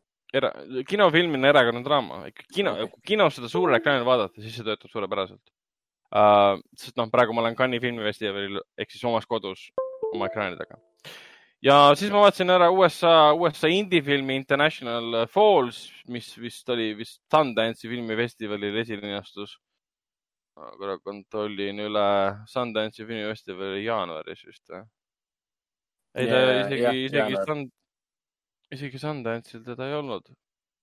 igatahes tal on mingi väga palju erinevaid festivale, Seattle filmifestivali, mis iganes uh,. filmi, see on selline, kuidas nüüd öelda, nii tüüpiline USA indie kui üldse olla saab. Kus nagu enamus stseenid leiavad aset ühes kohas ja enamus dialoogid tunduvad olevat täiesti improviseeritud. ehk siis režissöör on näitlejatega teemad läbi rääkinud, konteksti läbi arutanud, pakkunud välja versioonid, mida nad võiksid äh, nagu rääkida, aga näitlejad võtavad sellest olukorrast ise kinni ja mängivad selle pealt. ja seetõttu on need äh, dialoogitseenid nagu väga elavad. sa näed, et näitlejad nagu, nagu on rollis sees ja nad on sunnitud antud olukorras ise välja mõtlema need laused, mida nad ütlevad. Aga ta on jälle nii tüüpiline USA indie, et ta, ta on nagu. kas siin mängib see äge, äge tüüp ju? ja siin mängib see Rob äh, Rob Hubel. Rob Hubel, kes on tuntud pigem siis äh, koomikuna, me oleme teda siin, mis, kus me teda, kus me teda kõige rohkem siis näinud oleme? kusjuures ta mängib selles See ongi tõde HBO seriaalis ka äh,. Tal on Netflixi Ta- hiljuti jõudis tal see Medical Police, mida ma ei suutnud üle ühe episoodi vaadata. ta on Big Mouth'is teeb häält, ta oli American Dad'is tegi häält. kuskil Ma ma olen ilmselt seriaalis kõige rohkem väga näinud. veidratest, ma ei saa aru, ma olen tema näoga olen nii kursis. ta mingeid eriti crazy sid rolle ta, sa tunned ta kohe ära. ja teine näitleja on siis Rachel Harris, kes on seal peaosas, tema mängis äh, näiteks, kes on vaadanud Netflixis Luciferi seriaali, tema mängib seal seda psühhiaatrit, Lucifer. suurepärane seriaal, see augustis tuleb selle uus hooaeg ka ja sai ka kuuenda hooaja kinnituse. et kui Raiko, ma ei tea, kui sa ei ole Luciferi veel vaadanud, siis mina naudin seda täiesti mina olen äh, Luciferi kõik ära vaadanud, mulle eriti meeldis äh, Ah, okay, viimane okay. hooaeg Netflixis, kus nad said lõpuks äh, korraliku reitinguga ropendada ja asju tegema hakata, et no vot, vot, vot, vot ja sellel hiljuti jah kinnitati ära, et tuleb siis viies hooaeg ja siis an- anti teada ka, et kuues hooaeg. aga jah, Rachel Harris, kes mängib psühhiaatrit seal, tema on siis ka selles International Falls'is. aga Interna- International Falls'i kõige suurim nagu, kuidas nüüd öelda, meelitav aspekt on võib-olla see, et ta on, kui sa oled vähe näinud USA, ütleme Sundance'is tulnud äh, indie-filme, siis see tundub kindlasti erakordne. see on lihtsalt ühest äh, stand-up comedian'ist, kes tuleb International Falls'i nimelisse, püstiala hotelli- koomikust. vabandust, püstijälle koomik, kes ei ole üldse tuntud, ta ise teab seda ka. tuleb sinna ja esineb, teeb oma närust äh, setti, mis on tegelikult üsna halb, kohati mõned üksikud head naljad. ja siis ta kohtub seal hotellis äh, vastuvõtulauas ähm, äh, pereema, kelle abikaasa teda petab ja kes on täiesti frustreeritud sellest ja siis neil hakkavad sellist kummalist suhet pidama omavahel. aga see kõik leiab aset mõne päeva, mõne päeva nagu jooksul ja sa, noh, sa saad- kohe saad aru, et see lugu on tegelikult sellest, et äh, naine püüab leppida sellega, et tema mees petab teda. ta peab, tal on vaja kellegi tuge, et oma mehele vastu hakata, oma tug-, kellelgi, kelle, kelle, kelle nagu abi, et siis lahutus sisse viia, et mitte oma lapsi sellega eh, rõhuda ja hirmutada, et ta ei suuda seda asju üksi teha ja nii edasi. ja samal ajal sul on siis Rob Hubeli stand-up comedian, kes põhimõtteliselt teab, et ei ole mitte midagi väärt. aga tal on tegelikult suurepärased naljad, aga kuna ta ei suuda neid suurepäraseid nalju teha laval, ta suudab neid teha teiste inimestega vesteldes, siis ongi see kummaline paradoks, et miks sa ei suuda seda lavale tuua.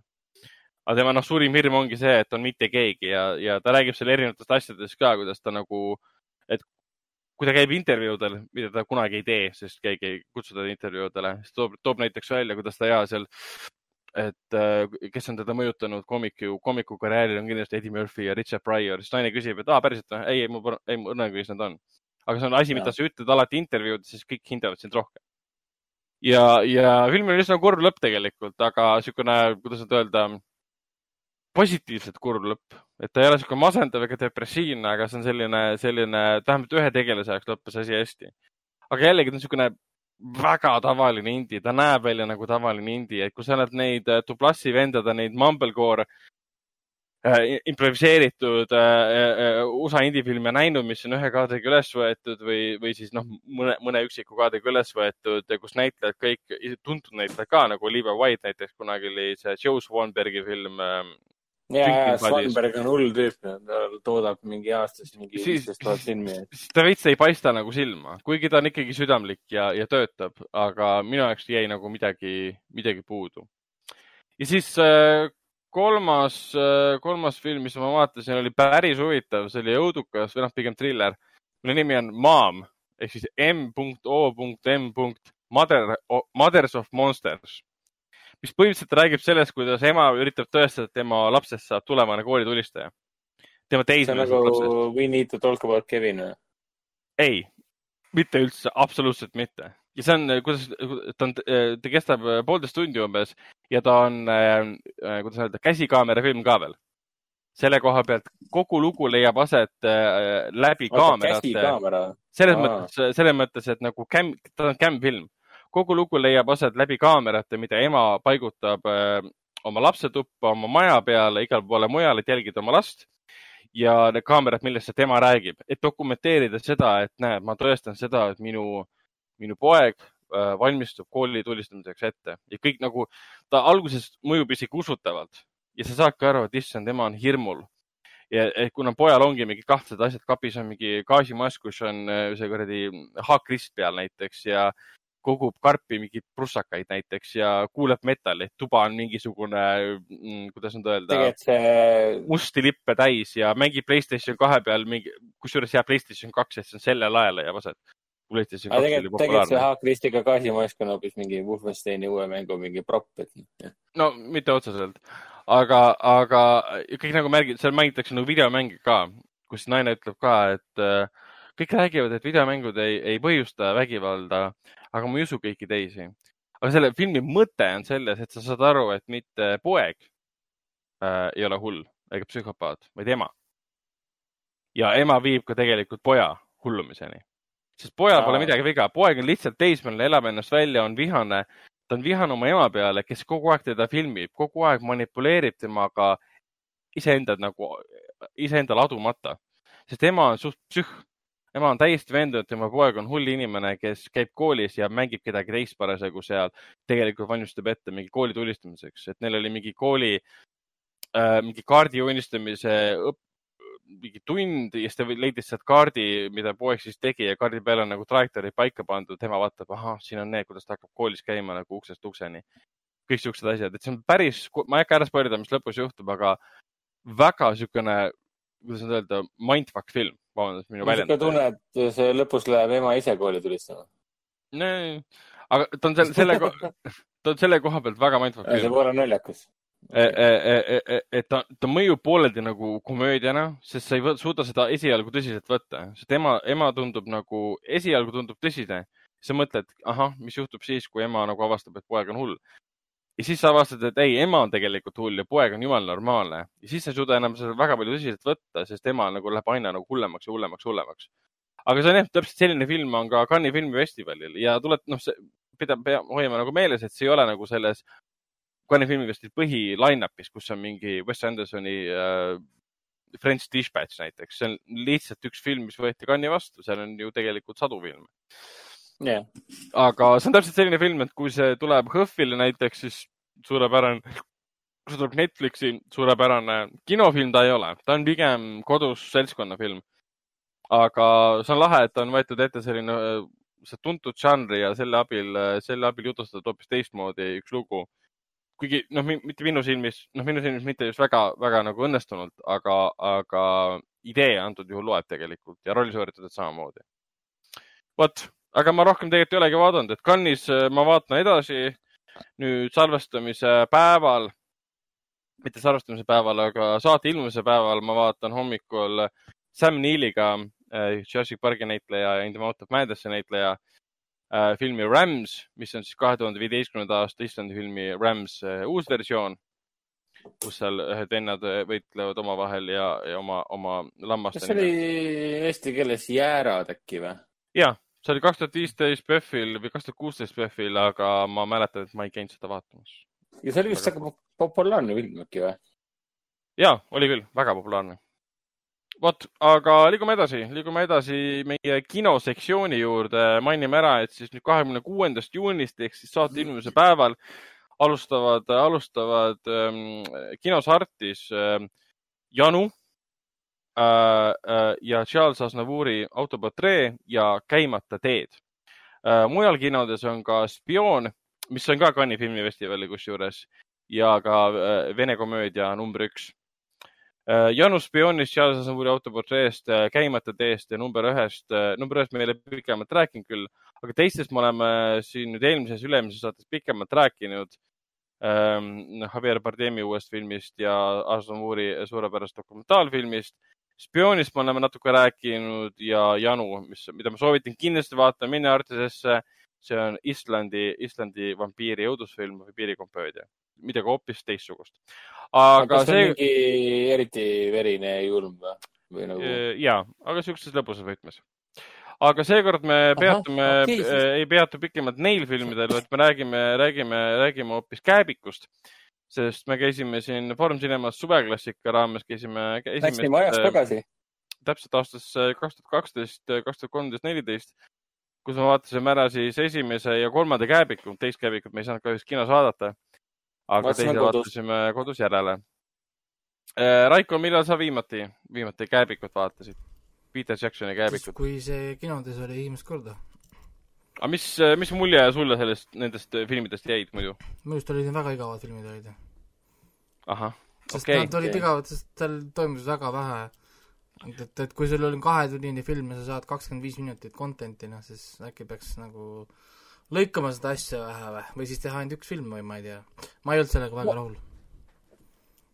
eks ta temaga, temaga ma, oli, ma, ma aktsepteerin seda kriitikat.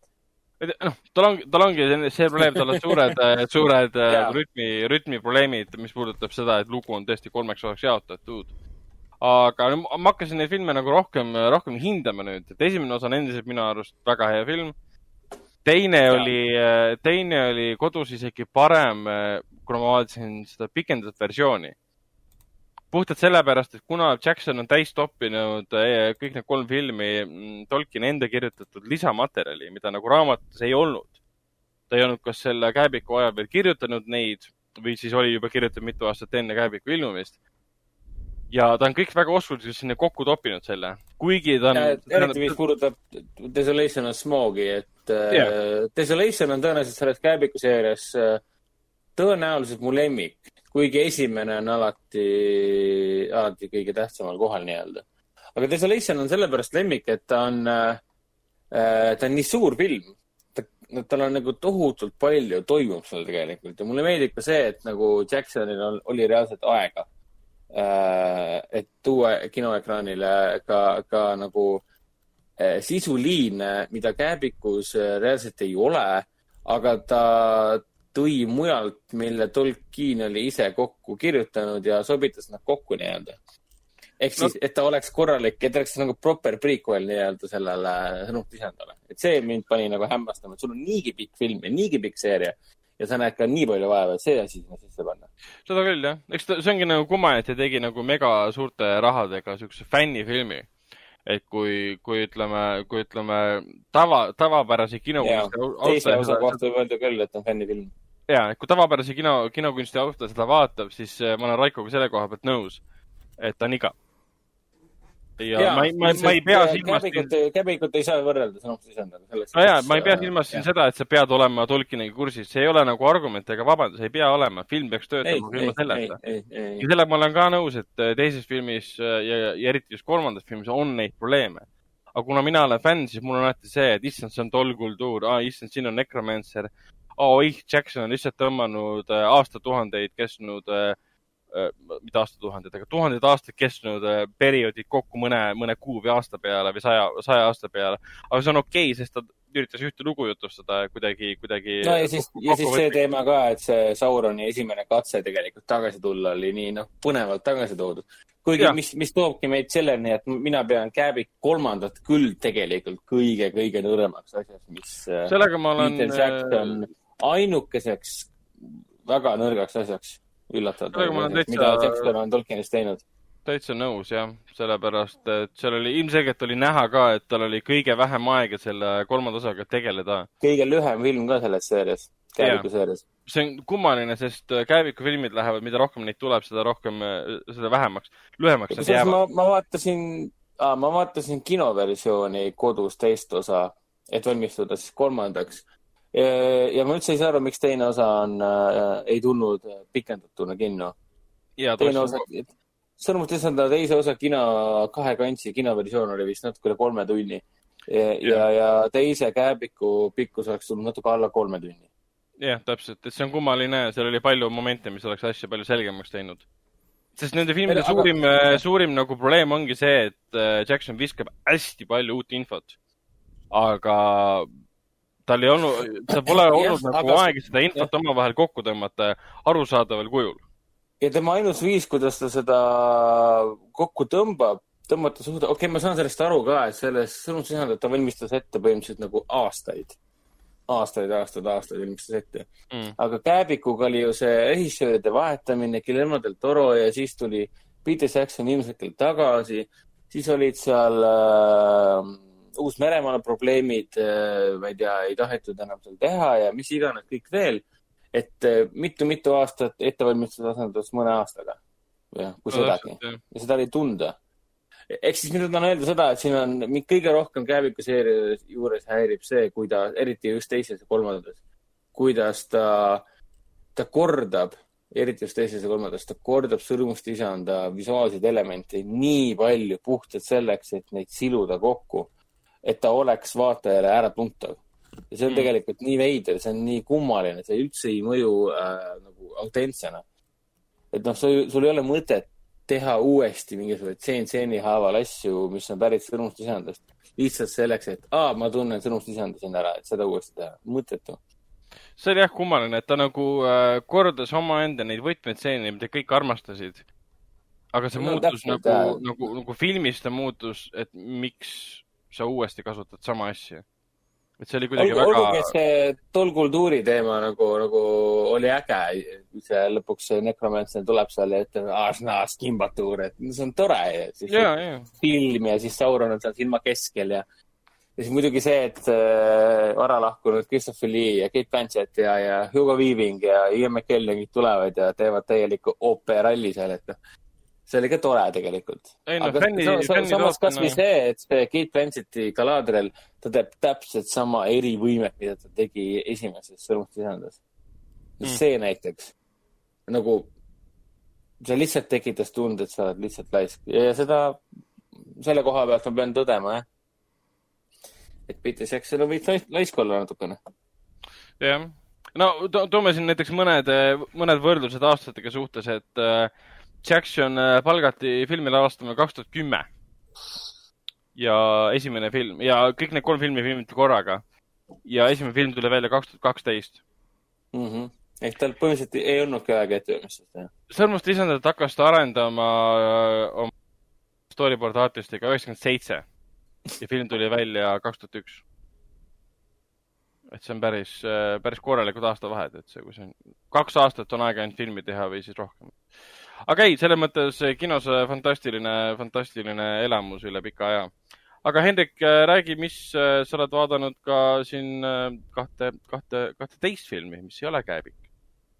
kuule jaa, et kui käivikud kõrvale jätta, siis ma lõpuks vaatasin ära selle suure, kas ma tõesti eelmises podcast'is ei rääkinud koomast ja Kuuba võrgustikust ei, ei rääkinud. ma olin nii, ma olen vist teistel inimestel nii palju sellest juba rääkinud, et mul on tunne, et ma olen sellest podcast'is rääkinud. Aga Kooma, lõpuks ma nägin siis Kooma ära. teate, mis on Kooma või? Vene ulmefilm. jah, täpselt nii. selle peaosas on üks äh, tuntud vene näitleja nimega Rinal Muhametov. ma ei tea, kas ma hääldan seda korra-, korrektselt või mitte. igatahes äh, esialgu tuli see film kinodesse üldse kolmekümne esimesel äh, jaanuaril. aga ta jooksis küll kenasti, aga siis tuli koroona vastu vahele. ja, ja kuna kinod tegid uksed uuesti lahti, siis tundus loogiline, et toome siis ka tagasi filme jaanuarist-veebruarist äh,, mis on ka piisavalt suured ja, ja mm. erutavad meeli nii-öelda. et ma sain ka lõpuks selle võimaluse selle filmi ikkagi ära vaadata mm. -hmm. põhjus, miks ma koomat väga näha tahtsin, oli see, et ta nägi välja nagu üliambitsioonikas äh, originaalne suurejooneline ulmefilm. Sest kogu kooma äh, treileri põhine nagu kontseptsioon seisneb selles, et äh, mis siis oleks, kui äh, sa satud koomasse ja sa avastad, et koomas olles on seal hoopis uus ja teine maailm. ja treileri põhjal see maailm tundus koosnevat inspiratsioonist, mida stsenarist ja režissöör said Matrixi, Doctor Strange'i, Dark City ja, ja, ja ma ei tea, mis sinna juurde panna, Half-Life kahe vaatamis- ja mängimiskogemusest. põhiliselt Mhm. nagu näha, et nagu režissöör on nagu tohutu suur ulmefilmide fänn, eriti sellised filmid, mis on nagu mind-bending ehk siis äh, umbes nagu Doctor Strange, Inception ja Matrix, et need, need kolm filmi ongi põhilised äh,, mis moodustavadki põhimõtteliselt kooma. ja kui sa koomat vaatad, siis sa tunned kogu aeg, aa, see on nagu Doctor Strange'is. siis sa vaatad, et aa, see on nagu Inceptionis. oota, see on siis äh, nagu parimate hittide kogumik või? ei, mitte päris seda, aga sa lihtsalt näed, kuidas on võetud ideed ja siis kokku pandud. Õnneks ta visuaalselt ei ole äh, väga sarnane, kuna ta on äh, niisugune suur vene film, siis ta pigem on ta väga äh, meie idanaaberlik, naaberlik nii-öelda. Mhm. et selle koha pealt ta näeb äge välja ja siin on väga põnevad äh, reeglid ja vastased, aga ta on muidugi selle, ta kannatab selle suurte vene filmide juustu all nii-öelda, kui sa saad aru, mis ma mõtlen. ja ma vaatasin vahepeal Tšernobõli treilerit, ma saan väga hästi aru, mis sa mõtled. jah, vot sinna me veel jõuame, et ta on Jah. Jaroslavski teine, teine mängufilm, mis ta lavastas ja näitleb ka peaosas. aga just all ma mõtlen seda, et nagu film ei olnud veel jõudnud kestagi äh, kooma, siis polnud jõudnud kestagi vist, ma ei tea, viiteistkümne minutit, kui juba meie peategelane, kes on sattunud koomasse, tutvub sealse keskkonnaga, kuidas seal ellu jääda.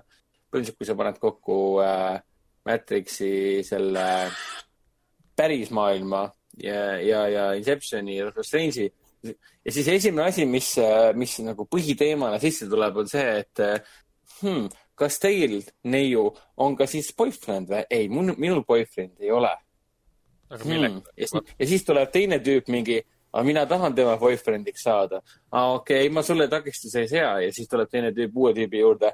kuule, kuule, aga ära hakka siin äh, lahmima ka, eks mingi, mis mõttes. oota, nad on teises, siis on, ja, et nagu meil on, meil on peategelane, kes tutvub uue maailmaga, mis on täiesti mind-blowing. ja hakkab muretsema selle pärast, et kes kellega käib. viis minutit hakkame, hakkame rääkima sellest, et kes kellega äh, käib. ja siis ma mõtlesin küll mingi, kuulge, see film ei ole, see on, see on tund viiskümmend üks kestev film, ma mõtlesin küll, et kuulge, kus teie prioriteedid on? Teil on põnev, ilus, ambitsioonikas, unikaalne maailm välja mõeldud, okei okay,, et kombo küll teistest asjadest. aga mis te sellest praegu räägite? ja see juust muidugi jätkas ka, sest noh, igal tegelasel selles koomamaailmas on oma funktsioon justkui. Nad mm. -hmm. jagatakse, on inimesed, kes leiavad alles hiljuti koomast ärganuid ja on kütid nii-öelda. Ehk siis igalühel, see on mõtlesin nagu videomäng kohati ka, et igal äh, mängijal, igal mängutegelasel on oma funktsioon ja nad töötavad meeskonnana. ja sama, see niimoodi siis peategelane ka leitakse ja muidugi need kõik need rollid lähevad pärast äh, äh, väga suure, suure kella külge ka. ma ei saa öelda, mis on filmi twist, seda enam meie kinodes ei näidata, aga ühel või teisel viisil teil õnnestub sellest ära vaadata. Ma ei hakka twist'i ära ütlema, ütleme niimoodi, et äh, just siis, kui ma mõtlesin, et see film jääbki selliseks äh, ja noh, tore pilt, tead, väga äge action, väga stiilsed vastased, mingid ägedad vikatimehed on põhimõtteliselt. Te võite minna Foorum Cinematuse kodulehel ja, ja kooma üles leida, siin üks pilt ka seal, oi, see on väga lõures pilt, tegelikult vaadake. kirjutage lihtsalt kooma C-ga kaks tuhat üheksateist, kaks tuhat kakskümmend sinna ei, ei, ei, äh,. miskipärast on see lõures pilt siin jah. Google'isse ja näete, et need on väga cool'id äh, tüübid, kes meenutavad nagu mingeid äh, Dementoreid või siis Destiny mingisuguseid äh, videomängu Destiny tegelasi. tuli, tuli, tuli ette hea Dementor näiteks. ja nad teevad siukseid veidraid hääli ka, nagu nad koosneksid, ma ei tea, mitmest tuhandest erinevast häälest ja see on väga lahe, väga stiilne. Ja see, kuidas nad liiguvad, see ja see, kuidas nad lendavad, ründavad sind ja kuidas nendega võideldakse, et see kõik on väga, väga stiilne, väga hästi läbi mõeldud. aga just siis ma mõtlesin, et see film nagu ei olegi rohkemat midagi kui lihtsalt see, et ah, me siin tilu lillutame ja tahame ägedad olla, nii nagu Hollywoodiski mm. -hmm. Si siis ta kuskil filmi viima-, enne viimast kolmandikku võtab nagu tuurid alles täielikult sisse nii-öelda. see, siis, siis, siis tuleb see klassikaline nii-öelda vene suurfilmile omane twist sisse, kus sa mõtled, et vohoh, niimoodi hakata selgitama mulle asju, et kõik pole üldse nii, nagu ma arvasin, mis on nagu, et, et väga et, etteaimatav, et kõik ei ole nii, nagu, nagu ma arvasin. aga ma ei oleks saanud, see niimoodi lausa et selle koha pealt ma soovitan tungivalt selle kooma üles leida ja kasvõi selle twisti pärast äh, filmi nagu nautida. Mhm. olgu, et ta läheb lõpus jälle väga suureks juustuks, et äh, aga ta on, ta on uhke, silmakomm, visuaalselt väga põnev vaatamine, ta on, ta on küllaltki originaalne, et kui sa oled ikka kulmefilmide fänn, siis sellist äh, mõnusat venekeelset action'it siin saab. olgu, et tegelased on juustud ja, ja, ja suhted on ka juustud ja nii edasi. Mhm. aga muidu tore, nunnu film, sihuke korralik möll. just. nii, just. Aga Just. räägi siis, just, just, just. aga räägi siis, räägi siis mõne kiire sõnaga ka Kuuba võrgusti kohta. ehk siis Wasp Network ehk siis Oliver Assayase äh, uusim, uusim film. no mitte uusim enam, tal on juba uus tulemas, aga vahepealne film. ja Wasp on äh, päris tore, ta on põhimõtteliselt äh, jah, eesti keeles on ta see Kuuba võrgust, võrgustik, omal ajal oligi see tuntud kui Wasp Network. Ehk siis on siis üheksakümnendatel aset leidev lugu äh, Kuuma, Kuuba põgenikest põhimõtteliselt. Kuuba, Kuuba režiimi pooldajatest, vastu pooldajatest ja neist, kes töötavad selle vastu. nii Kuubal olles kui ka ka USA-s olles, koos USA-ga töötades ja USA vastu töötades nii-öelda, noh, kes töötab vastu ja kes töötab koos nendega, et olla Fideli vastu mm. -hmm. peaasjades siis Edgar Ramirez ja seesamune Penelope Cruz. ta on, Anna de Armas mängib ka siin. ta oli väga armas Vau, see oli wow., hea pann oli, ma tean. väga korralik lingo pann, jah. Lingo pann, mis see tähendab? keelepõhine. kas on, kas on mittekeelepõhiseid äh, panna või? ma mõtlen ka nagu, ma ei tea, mina tean ainult lingo, mina tean ainult lingo panna, ma ei tea, millest sa räägid. okei okay,, palun jätka, nii. Sa tahad sellest vist rohkem pikemalt rääkida ah.? aga mm, jah, nii et põhimõtteliselt see on lugu mehest, kes ühel heal päeval jätab perekonna maha Kuubast. põgeneb lennukiga mm, USA-sse. annab pärast võimudele ülesse ja tahab liituda kohalike kuubalastega, kes võitlevad siis äh, Fideli vastu. ajapikku ta muidugi märkab, et äh, see võrgustik, mis tegeleb seal äh, Kuuba vastu võitlemisega, ei tegele ainult sellega, vaid nad tegelevad ka igasuguse kuritegevusega, eriti just narkootikumitega, nagu ikka tollal tegeleti. ta on muidugi täiesti pettunud sellest kõigest, tema tuli siin Kuuba vastu võitlema ja nii edasi. ja siis ühel hetkel ta muidugi otsustab, et äh, nüüd on aeg astuda vastu natuke teistmoodi Kuuba vastu. Kuuba poolt isegi, sest vahepeal tuleb välja, et ta ei ole Ku- Kuuba vastu, vaid ta tuli äh, Ameerikasse See- spioonina, ta tuli Ameerikasse spioonina, põhi, põhipööre jah osaleda, et osaleda Kuuba vastases orga- organisatsioonis, et neid seestpoolt õõnestada. ja. see ongi, ja see ongi Wasp Network põhimõtteliselt. ta on muidu põnev ajalooline film, aga pärast seda filmi tekkis mul küll tunne, selle vaatamise ajal tähendab, tekkis tunne, et ma kardan, et äh, selleteemaline romaan on vast põnevam kui selle filmi vaatamine. oot-oot-oot, aga tahad öelda, et see siis halb film? ei, ta ei ole halb film, aga ta on uskumatult nagu seda sisepoliitikast nii, ta on sisepoliitikas nii uskumatult tihe, et sa ühel hetkel kaotad lihtsalt järje ja, ja sa lihtsalt ei jaksa enam äh, jälgida seda kõike. sest ta Oi. ei ole dramaatiliselt niivõrd pinev, et nagu hoida mind kui publikut kogu aeg endaga kaasas. mind ei pea nagu kettpidi talutama. Et ma vaatan ja ma vaatan ja ühel hetkel ma taipan, et see film mõjub nagu niisugune nauruvedur mööda raudteed, et ta teab väga hästi, mida ta teeb, ta läheb mööda raudteed.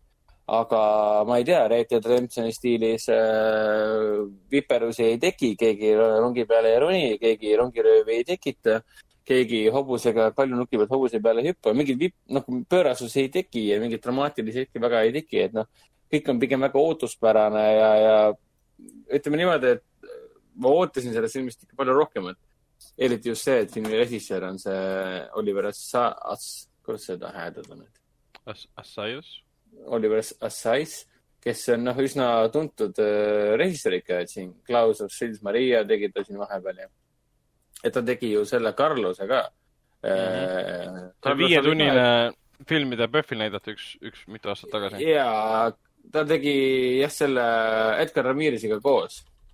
ehk siis Carlos oli ju sellesama, see, mis ta oli, Illich Ramirez Sanchez Mhm. ehk siis äh, maailmakuulus terrorist, Carlos ehk siis see šakal nii-öelda, keda mina väiksena teadsin ainult tänu Bruce Willisele. sest Bruce Willis tegi kunagi siukse filmi äh, nagu The Jackal. see ei vasta päris, see ei vasta päris koos tõele., koos Jack Blacki ja see inimene. Richard Gere.. Richard Gere, jah. aga see ei vasta päris tõele, üks Shackle'i film oli veel, ma ei mä-, kes seda oli mängis? päev. ei, ei, film. üks, üks rääkis Shackle'ist, tema elust, ma ei mäleta, mis selle, kes selle, film oli ka veel. ma tean, mis sa mõtled. Seal oli see mingi Adrian keegi. The, the, the Assignment, ma alles hiljuti guugeldasin seda filmi. aa, ja, ja, täpselt. ja, see on Assignment, mille peaosas on äh, Aid- Aid- Aidan Quinn Adrian Quinn, ja, ja. Toomas Sutherland ja see Ben Kingsley mängis ikka seal. Mhm. ja seal oli see teema, et Aidan Quinn mängis siis Ameerika sõjaväelast, kes on äh, ülimalt sarnane Šakaliga ehk siis maailmakuulsa terroristiga.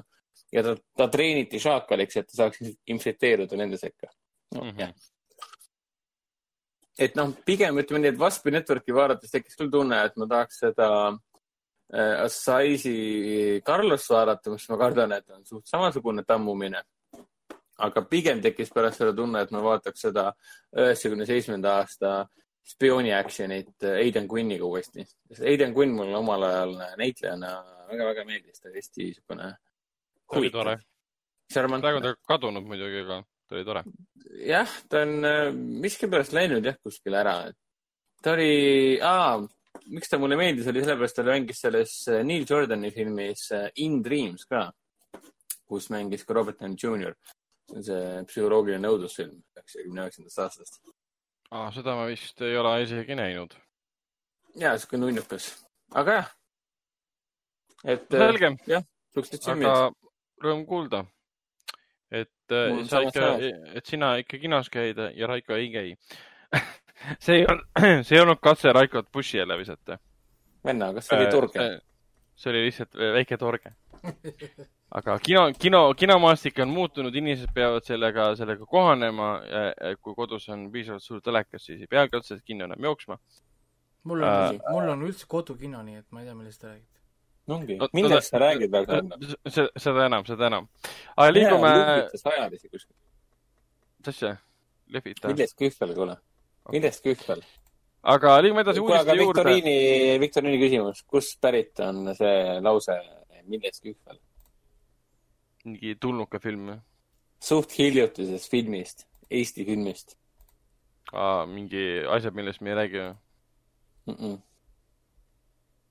Minu jaoks muutus see, see, lause, see, see millest kühvel äh, muutus alles siis nagu teemaks tänu sellele filmile.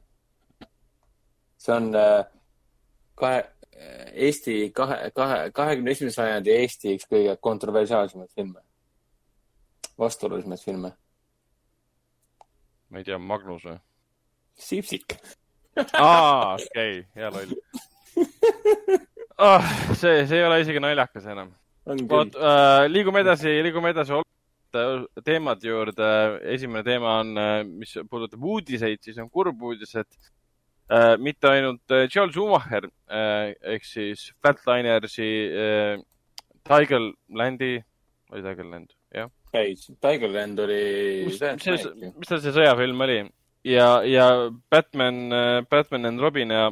aa, ei, sorry, Tigerland on Schumacher, jah. ja täpselt, Sorry. Treasure, ja kaheksa millimeetrit lavastas ka koos, koos siis Nicolas Cage'iga on meie hulgast, meie hulgast lahkunud. väga paljud hakkasid teda ebaausalt äh, mälestama siis äh, Bondi, mitte Bondi, vaid Batman'i filmidega, aga ta on ikka hoopis muid asju ka karjääri jooksul teinud, et minu arust tema üks kõige ala, alahinnatumaid filme on üsna, mitte uus, aga hiljutine pigem siis oli Blood Creek, kus mängis Henry Cavill peaosas. Ja Michael Fassbender. ja Michael Fassbender, Michael Fassbender mängis, ja äh, Dominic Purcell.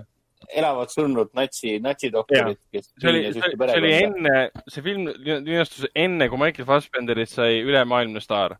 see film linastus enne, kui Henry Cavill sai äh, ülemaailmseks staariks. aga film ise on lihtsalt nagu, nagu natsi äh, okultismi doktor, mis iganes, mis siis, siis tuleb äh, kuskile farmi ja hakkab seal mingit iidset kivi veristama ja muutub mingiks zombiks, kes elab seal all kuskil viissada aastat või no mitte nii palju, viiskümmend aastat. ja, ja- Michael Fassbender tegelikult nautis seda rolli, filmis on seda väga hästi ja, ja, ja piinab seal ühte siis, kui ta üles ärkab pärast äh, ammu teise maailmasõja lõppu äh,, hakkab seal ühte perekonda piinama. ja see oli väga äge film, see, keegi ei pööranud seda tähelepanu, arvas, et see mõttetu film, aga enam seda tuleb üllatusena, et see oli Joel Schumacheri tehtud. Aga tema surm ei ole ainuke, millest me räägime korraks, mainime ka siis, et Ian Holm äh, seoses Kääbikuga siis äh,, kellel oli ka kaks tuhat kaksteist siis äh, esimese Kääbiku filmis roll äh, ja siis tegelikult ka kolmanda Kääbiku filmis oli roll, on meie hulgast lahkunud, ta oli kaheksakümmend kaheksa.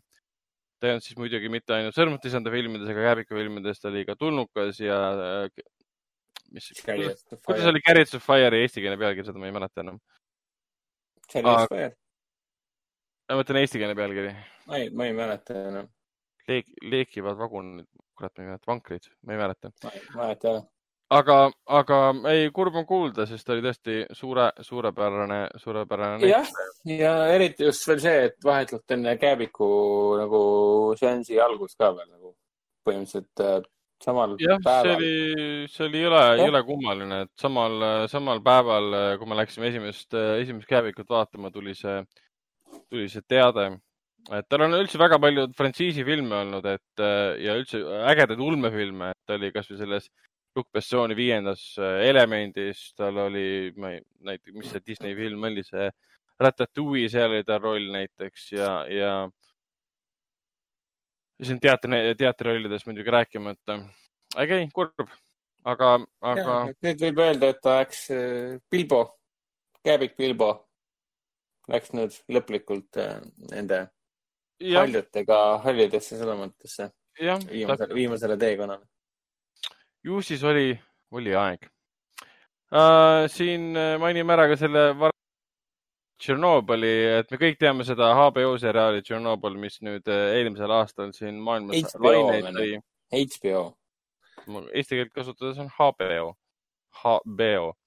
Et eelmisel aastal lõi laineid siin äh, Tšernobõl, suurepärane fantastiline seriaal, mida ma olen kaks korda vaadanud. samal ajal hakkasid siis äh, Vene filmistuudiod ka rääkima, et nemad teevad ka nüüd äh, seriaali või siis filmi ja üks uudis, mis omal ajal ringi liikus, oli see, et nad teevad seriaali või filmi, ma ei mäleta enam täpselt, et kuidas äh, lääne vandenõu või mingis kurja, kuritahtlikud käed äh, kuskilt USA-st on siis nagu Tšernobõli katastroofis süüdi, mis kõlas nii absurdsena, aga siis äh, nüüd hiljuti tuli ka esimene treiler filmil välja. Ja see ei puuduta mitte kuidagi seda absurdset teemat, mis omal ajal välja käidi, et filmi alapealkiri tegelikult on siis Tšernobõl Abyss, aga tundub, et teda promotakse igal pool äh, Tšernobõlina.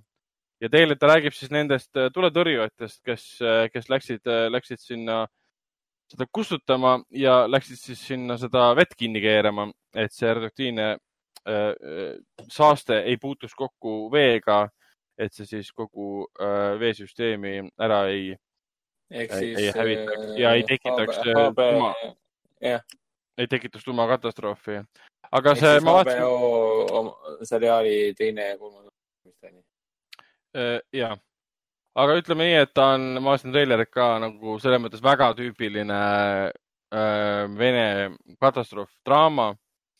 siin, see ei ole muidugi üllatav ka, sest see on, see on, siin osaleb äh, ja mängib tegelikult äh, Danila Kozlovski, kes tegelikult oli kunagi selles äh, lennukifilmis ka, ma ei mäleta, mis selle nimi nüüd oli see lennuk mingi põgenes põlevat saarelt või midagi laadset. see oli täpselt samamoodi nagu ülev, siukest paks, paks sellist ülevatest tunnetest, eneseohverdusest. lennuk, mis lennuk? mitte brigaad, aga mingi rügement viis või midagi laadset. ma pean selle hiljem, hiljem meelde tuletama. aga filmi, filmi reisijal on jah, Danila Kozlovski, kes hiljuti oli. ja ka peaosaline. ja ka peaosaline jah. hiljuti oli ta siis Eesti kinodes filmiga Treener see on tema siis mm -hmm. teine, teine film. Danila Kozlovski on täpselt siukse näoga, et sa tunned selle inimese ära, isegi kui sa nimed ja sa tead seda nägu. ja, ta Venemaal on väga tuntud näitleja, ta ju mängis äh, seal äh, minu jaoks sai ta väga tuntuks tänu sellele suurele, suurele vene filmile Viiking. ta mängis vürst, vürst Vladimiri. ja täpselt. aga ei, film ise tundub, film ise tundub, Tšernobõl tundub siis, ta tuleb sellel aastal välja kuskil olevat veel äh, postproduktsioonis, aga kuskil selle aasta peaks, peaks välja tulema. see on siis nii-öelda, seda võib võtta kui venelaste vastust Tšernobõli seriaalile, sest äh, väga paljud leidsid, et see on solvav, et ameeriklased teevad siis, äh, noh, Leedus küll filmiti Tšernobõlist seriaali, kus on kõik siis Ameerika ja Briti näitlejad ma üldse ei imesta, et venelased leidsid, et nad peavad enda versiooni ka tegema, kui, kui vaadata Tšernobõli treilerit, selle leiab siin Central Partnershipi Youtube'i kanalist või noh, paned sisse Tšernobõl kaks tuhat kakskümmend, leiad vist kohe ülesse. ta näeb mm. nii sarnane välja äh, HBO seriaalile, et see on kohati uncanny. Väga visuaalselt äh,. aga, aga ma saan sellest täiesti aru, selle, ja ma saan sellest täiesti aru, sellepärast et see HBO seriaal oli samuti ju, ta oli nii põhjalikult loodud äh, toonase aja äh,, aja järgi mm.. et mõni ime, et kui sa taaskord imiteerid toonast aega, loomulikult hakkab sarnanema. no tõsi, aga lihtsalt asi ei ole ka selles, et kui sa, kuidas sa kujutad toonast aega, see, mida Johan Renke ja siis äh, Craig Mazin valisid äh, ja produtsendid valisid Tšernobõli seriaalis, kuidas kujutada minevikku, on üks asi Äh, et kui mõni teine filmitegija valib sama viisi, kuidas seda kujutada, siis see ei ole nagu vabandatav sellega, et minevik nägi niimoodi välja. tegelikult ei näinud. ta, see on ilmselgelt, ta kopeerib juba olemasolevat stiili, kuna see töötas. aga ei, ma ei taha midagi filmi kohta halvasti öelda, ta näeb väga hea välja tegelikult efekti. Ah, pluss Danila ei ole äh,, ütleme niimoodi,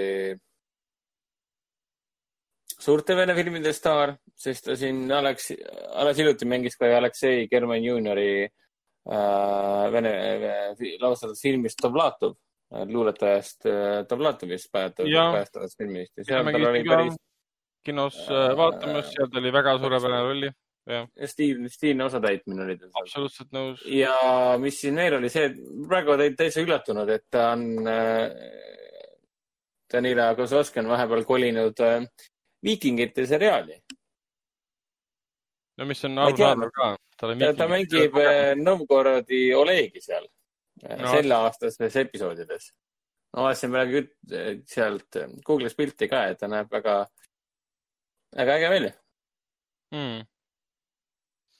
aga, aga mida ma veel siis tahan selle filmi kohta öelda peale selle, et ta tegelikult näeb väga hea välja. olgugi, et ta on paks sellistest äh, tüüpilistest nagu Vene katastroofifilmide ülevatest tunnetest, et sa tajud kohe ära, et see film rõhutab väga-väga palju nagu vene inimese eneseohverdusele, mis ei ole vale, sest see oligi, oligi niimoodi. ei, ei, seda, saa valeks väita.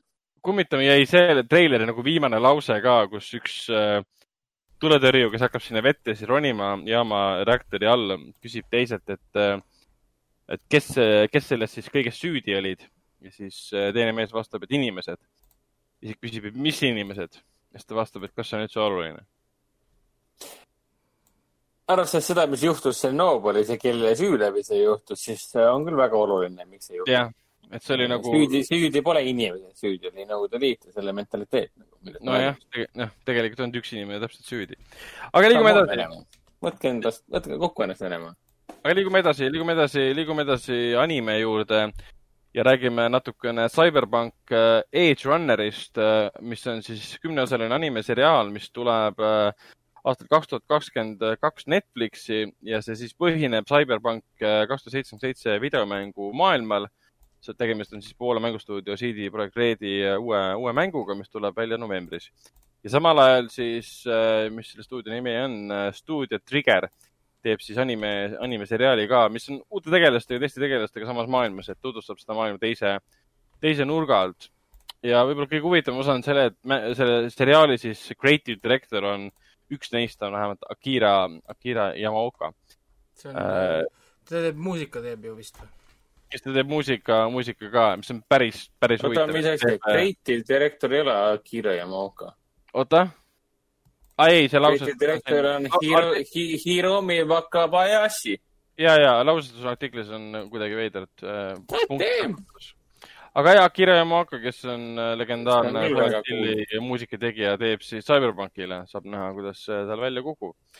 aga see uudis tuli jah täna seoses, seoses Cyberpunk kaks tuhat seitsekümmend seitsme sellise briifingi videoga, kus tulid välja ka uued detailid ja uued, uus, uus video räägime natuke koroonaviiruse edasilükkamise tagajärgedest ähm, ja viimane, viimane ohver tundub olevat siiski Mulan, Disney suurfilm, Ah. mis pidi ammu juba märtsis linastuma, mis lükati siis äh, kahekümne neljanda juuli peale.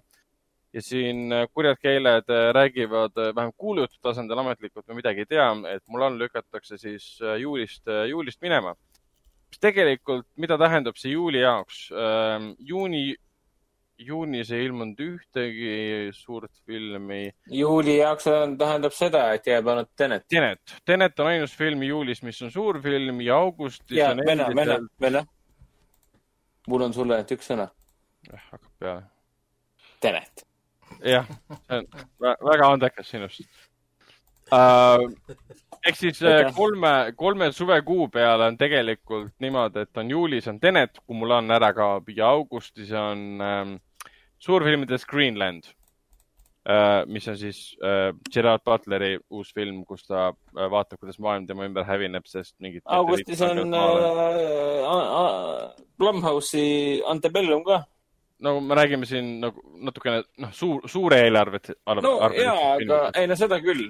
ta, see Antebellum võib suureks saada, kuna ta on niisugune Get Out'i ja Assisti see Jaa, niisugune, niisugune tore film. ma pean pigem silmas nagu selliste kahesaja miljoni eelarvega filmidest, mis on sel suvel täitsa ära kadunud. aga New Mutants on ka veel kakskümmend kaheksa august täitsa kirjas, et äh, ma juba ootan huviga, millal see edasi lükatakse.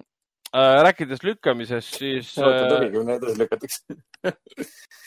rääkides lükkamisest, siis äh, HBO lükkas tagasi oma HBO Maxi äh, tuulest viidud ja pani sinna juurde äh, Turner Classic äh, Movies DCM-i äh, üle tunni, tunni kestva sellise, sellise konteksti selgituse, kus seal on erinevad ajaloolased räägivad. ja, ja nüüd ongi kogu see, kogu see, kuidas nüüd öelda, skandaal möödas, kuigi selle tulemus on tegelikult käes, et äh, äh, mida paljud kartsid, et see tekitab pretsedendi, mida me siin eelmine kord arutasime, üle-eelmine kord arutasime ka, ei tegelikult tekitaski, et Netflix ja Hulu ja väga paljud, väga paljud voogedastuskanalid eemaldavad järjest praegu siis äh, episoode tuntud seriaalides, kus on olnud Blackface näiteks. ja näiteks siin, mis ma just hiljuti lugesin, Netflix eemald-, UK Netflix eemaldas näiteks It's Always Sunny in Philadelphia'st vist kuuendast hooajast äh, Blackface episoodi Scrubsi looja palus äh, voogedastusteenuste äh, esindajatel siis eemaldada Scrubsist need episoodid, kus äh, JD-l, JD kasutab siis Blackface'i näiteks. Ja siin näiteks oli Central ma pean seda Scrubsi osa uuesti vaatama, aga mina ei mäleta küll, et Scrubsis oleks. ei, ma mäletan, mäletan, seal oli need äh, Jordani, JD, siis need Daydreaming episoodid, seal kohati ikka oli. aga need polnud kunagi nagu halvustavalt mõeldud, aga noh, ütleme. On millal need on halvustavalt mõeldud ja muidugi mulle meeldib see, et nad nagu rassistlik käitumine nende poolt, aga nad ei saa sellest ise aru, sest äh, see eeldab seda, et sa peaks eemaldama ka kõik whiteface'id, ehk siis võtke maha Chappelle Show, võtke maha White Chicks. No võtke, võtke, võtke kõik maha nüüd, siis äh, selle järgi võtke maha kõik filmid, kus valged mängivad äh, asiaate, andke minna, noh. sest Jah, sest noh, kui sa, kui sa, äh, kui sa ignoreerid neid, siis sa lihtsalt käitud rassistlikult. see on ju silmakirjalik käitumine selle koha seepärast, et äh, rassistlik käitumine ei ole mitte ühe rassi näiteks vastu halvemini käitumine, vaid see on ka üh-, ühe rassi eelistamine Mm. Ehk siis, kui äh, sa eelistad praegu või tõ- tõstad välja, et blackface on midagi paha, siis see on rassistlik käitumine, sest sa teised jätad alles. aga noh, praegu on, praegu on see, ütleme, see esimene, esimene laine, kuna HBO selle ukse nagu avas, siis kõik käituvad nii, nagu HBO käitus, et me eemaldame lihtsalt episoode. ja viimane uudis, mis ma nägin, oli seoses sellesama Apple TV seriaaliga Central Park, kus siis äh, näitlejad, kes mängis, valged näitlejad, kes mängivad mixed race äh, rolle, andsid siis teada, et nemad äh, loobuvad nende rollide hääl näitamisest, et. ja üks neist oli Krist-, Kristen, Kristen, Kristen, Kristen, Kirsten Bell oli ka üks nendest., see on täi-, see on täiesti nonsense. ja, Ja- ja Big Mouth'is samamoodi. ja, ja mi- mis sa nüüd arvad, mis nüüd juhtub? mis nüüd juhtub selle Scrubsi episoodiga, kus on blackface? see on, terve internet on nüüd seda täis. nojah, see läheb igale poole nüüd nagu. jah, kõik otsivad on, üles. see on, see on ausas mõttes, meil on olemas seadused maailmas selleks ette, et sa, sa kunagi ei pea läbirääkimisi terroristidega. mitte kunagi. sa mitte kunagi ei avalda Sari Mõrvari nime. netis ega mitte nagu kuskil, sellepärast et kui sa teed seda, siis sa saad täpselt vastupidist efekti, mida sina tahad nagu saada Mm. ühele pant, pantvangi võtjale annad raha, siis kuu aja pärast sul on viissada pantvangi võtjat. ükskõik, mida sa talle annad, kohe kõik, kõik tulevad jä- nagu järgi.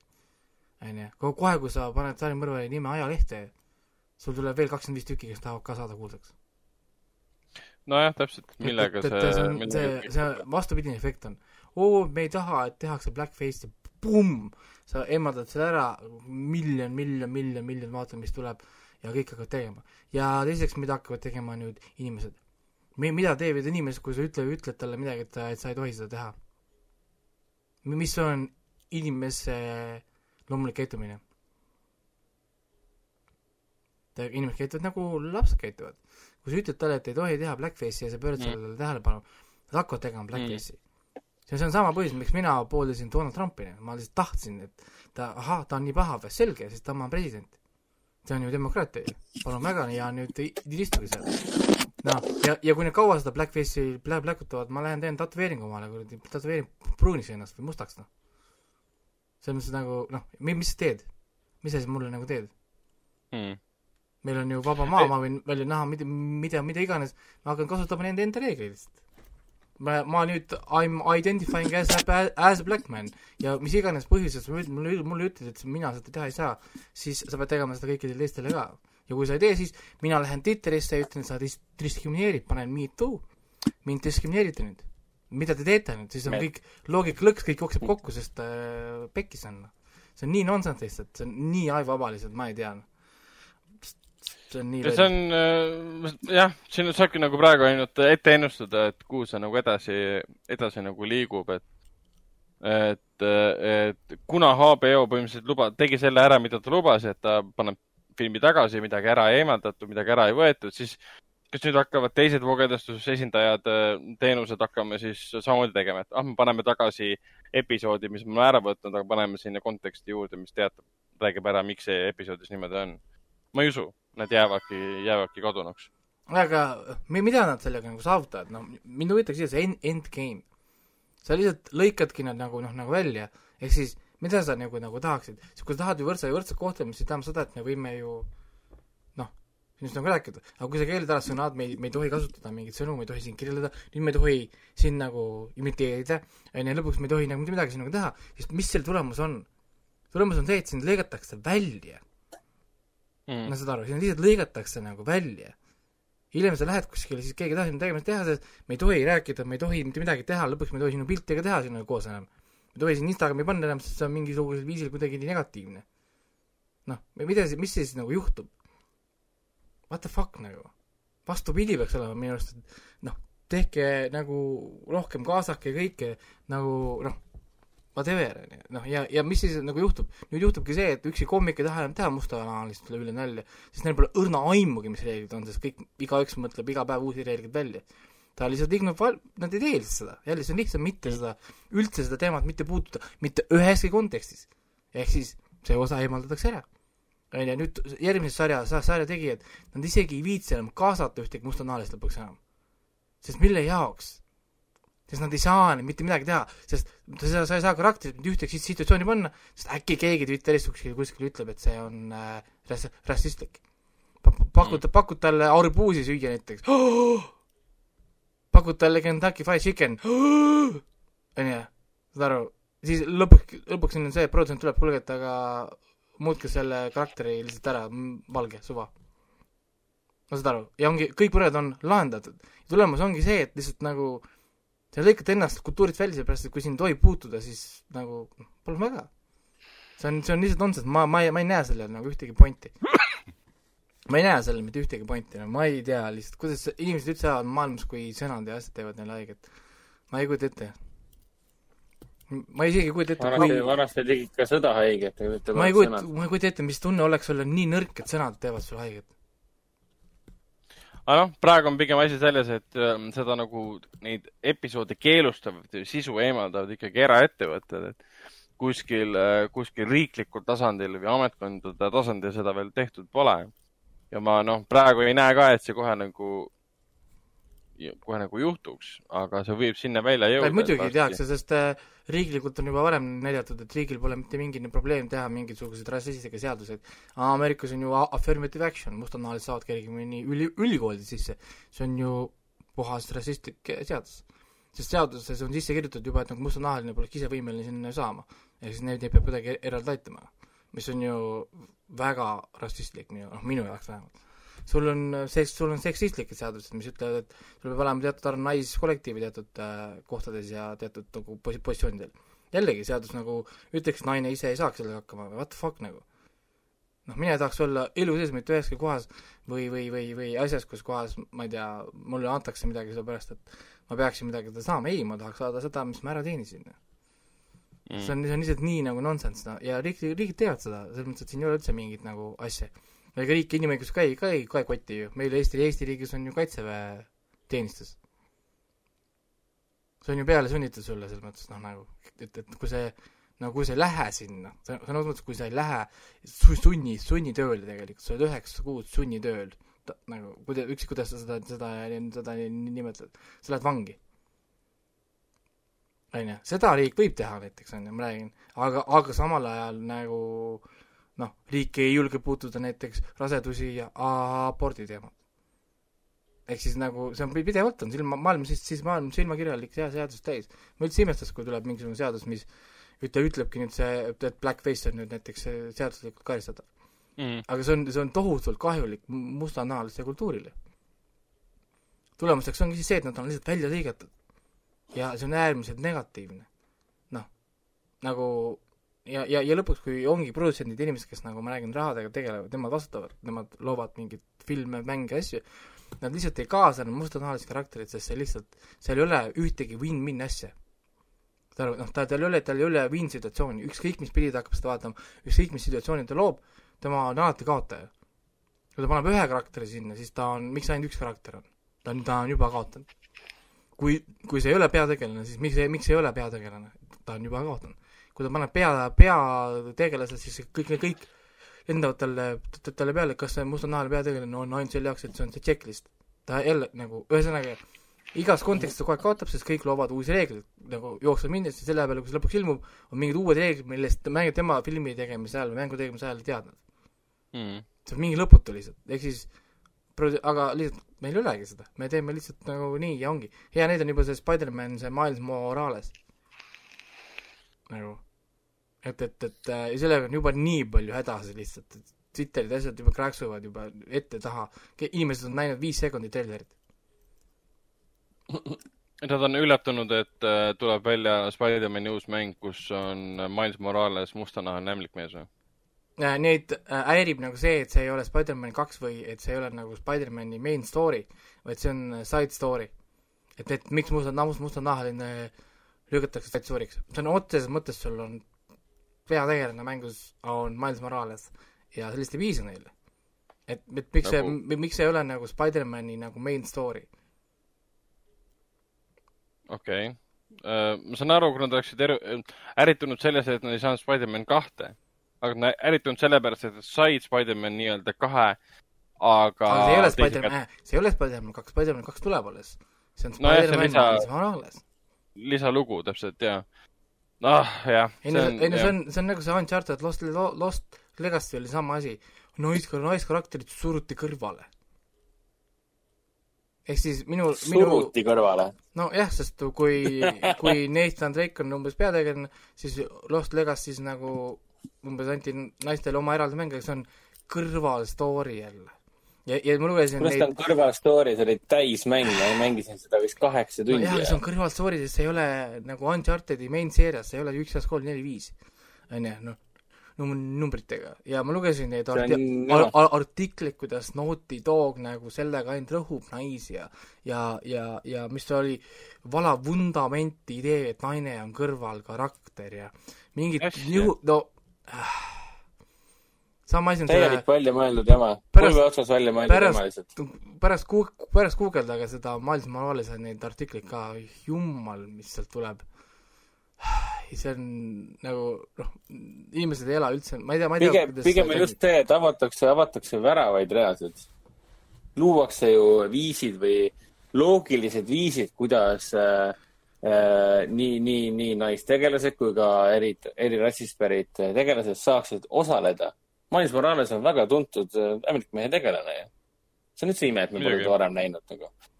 ja juba Uncharted-. jaa, et Uncharted'i Lo- Lost Legacy'ga samamoodi. täismäng, väga lahedate tegelastega. no ega see, see ei tähenda see peategelane see- on kõi- üks kõige ägedamaid naistegelasi Uncharted'i seerias, aga see vist ei tähenda mitte ei, midagi. see ei tähenda midagi, sest nagu äh, sellest ei piisa.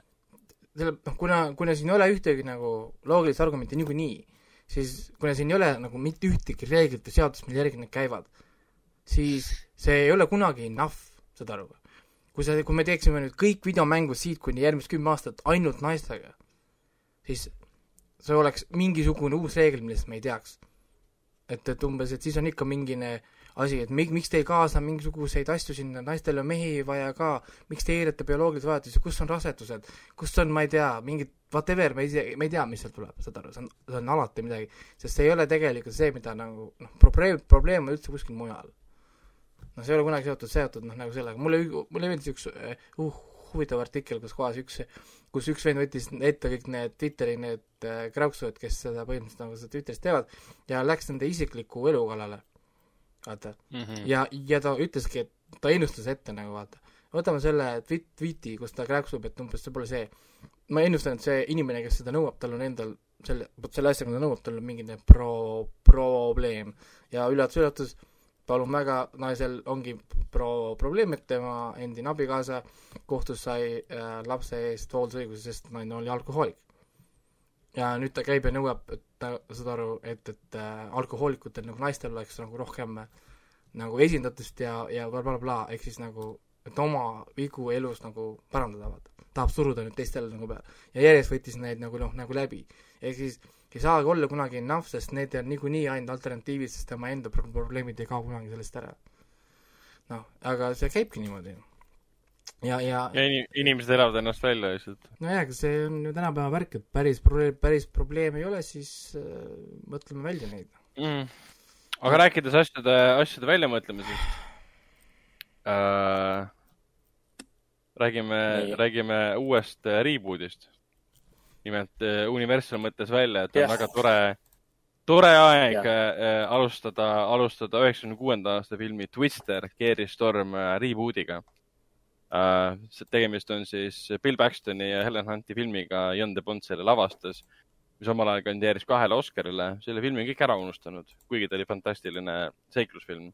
omal ajal jah, omal ajal jah muidugi. CGI-ga lendavat, lendavat äh, lehma keeristormi sees. Aga aga seda pluss ri- ta, pluss ta ri-, teenis ikkagi kõvasti raha ka omal ajal. Seda küll, seda küll. aga Re-, Reboot'i osas tahetakse siis, et äh, Joseph Kosinski, kes praegu lavastas siis Top Gun Mavericku ehk siis Top Guni järje, tema võtaks selle Twisteri ja siis üle. ma, ma ei näe, et see, see, see uudis oleks kuidagi, kuidagi loogiline, sest see on, Twister on üks nendest filmidest, mis on ära unustatud. see teenis palju raha.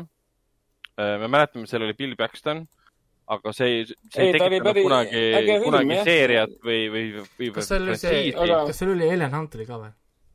ja nad ajasid seal kahekesi. Nad olid lahku läinud, kunagine paarike, kes olid siis uute inimestega tormi, koos, ajasid taga, keeristorme taga ja siis nad sattusid mingi massive keeristormi peale, kus siis mingi ma neli erinevat mäletan tormi mingi skaala number viis või mis ta oli, mingi haruldane, mingisugune ja, ja skaala,, ja. mingi skaala oli seal, siis oli mingi viis vist oli see skaala, kus need mingid mit- mitu tükki liitusid kokku ja siis jah, jaa, täpselt. mingi superkeeristorm. ja siis keegi sai surma või mingi asi oli, miks põhjus, midagi neil läks seal valesti seal. ja, ja see on mingi suur ohverdus oli, ma enam nii täpselt ei ma mäleta. mäletan Bill, Bill Paxton ja see Helen Hunt olid hästi toredad seal, eriti just Jaa, Bill. Paxton, et omal oli- ajal oli ta oli- tänu tulnukatele nii, nii, nii äge vana. Bill, Bill oli Paxton oli oli jah, see lege-, legendaarne mees, kes on saanud ju äh, ekraani peal surma Aa, ju eh, selle Terminaator ja Predator ja siis see Alien. oota, Predator ka või? jah, aa, õigus, ei oota, mis filmi? kas ta oli osa. aa, aa, õigus, teine osa, ja, ja, ja. samas kõik unustavad ära, et Predator kaks on ka olemas, mis on tegelikult väga hea film. see oli see Danny Cloveriga või? jah see oli, see oli see läheb küll jah meelest ära inimestel. fan-, fantastiline film lihtsalt, see oli nii, see film on nii higine ja verine. rahutu-, rahutuks tegev, et see on lihtsalt fantastiline. aga rääkides Twisterist, siis jah, et noh, Bill Paxton on nüüd juba kaks tuhat seitseteist meie hulgast lahkunud, oli kõigest ühe kuuekümne ühe aastane.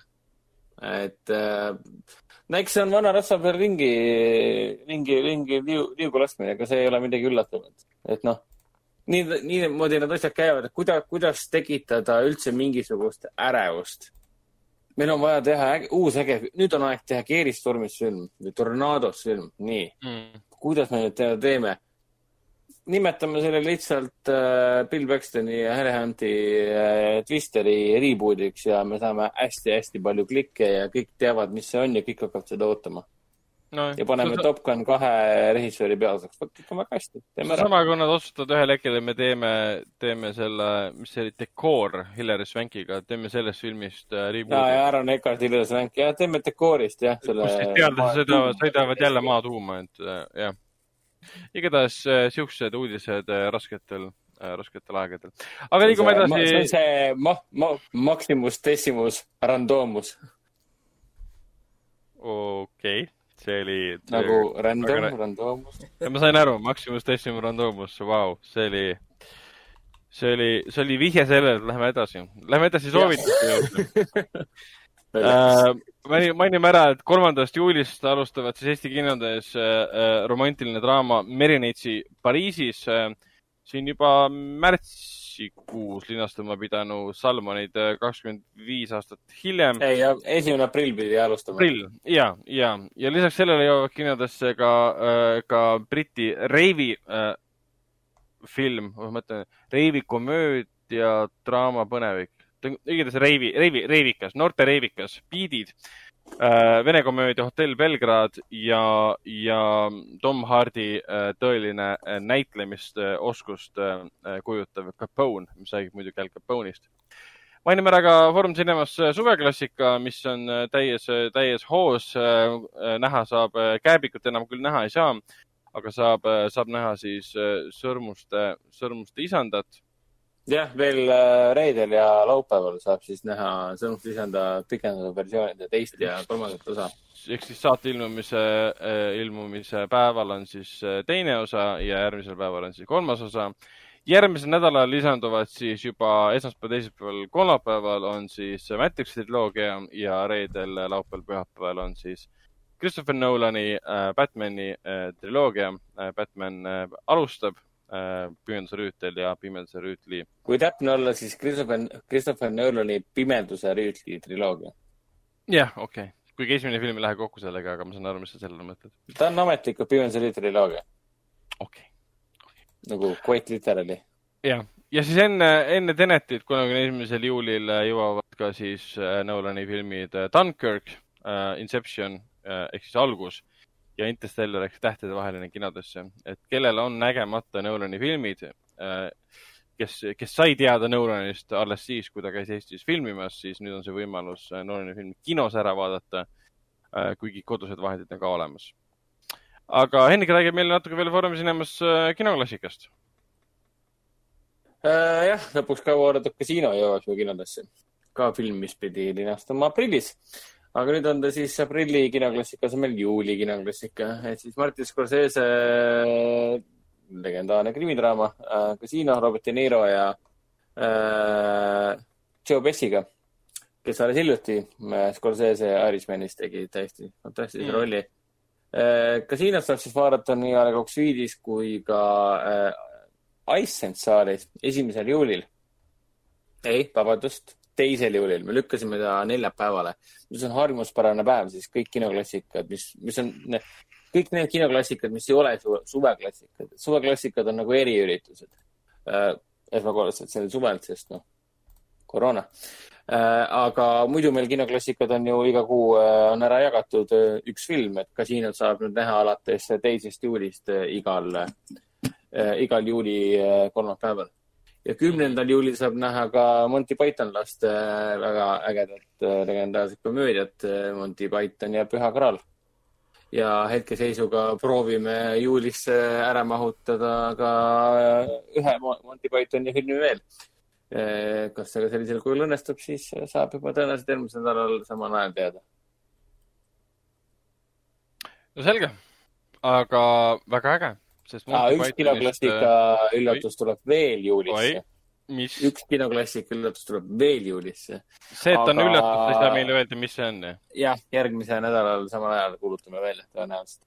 oota, Monty Pythonit te olete kõik ära näidanud vist juba siin, nii et Monty Python see olla ei saa või?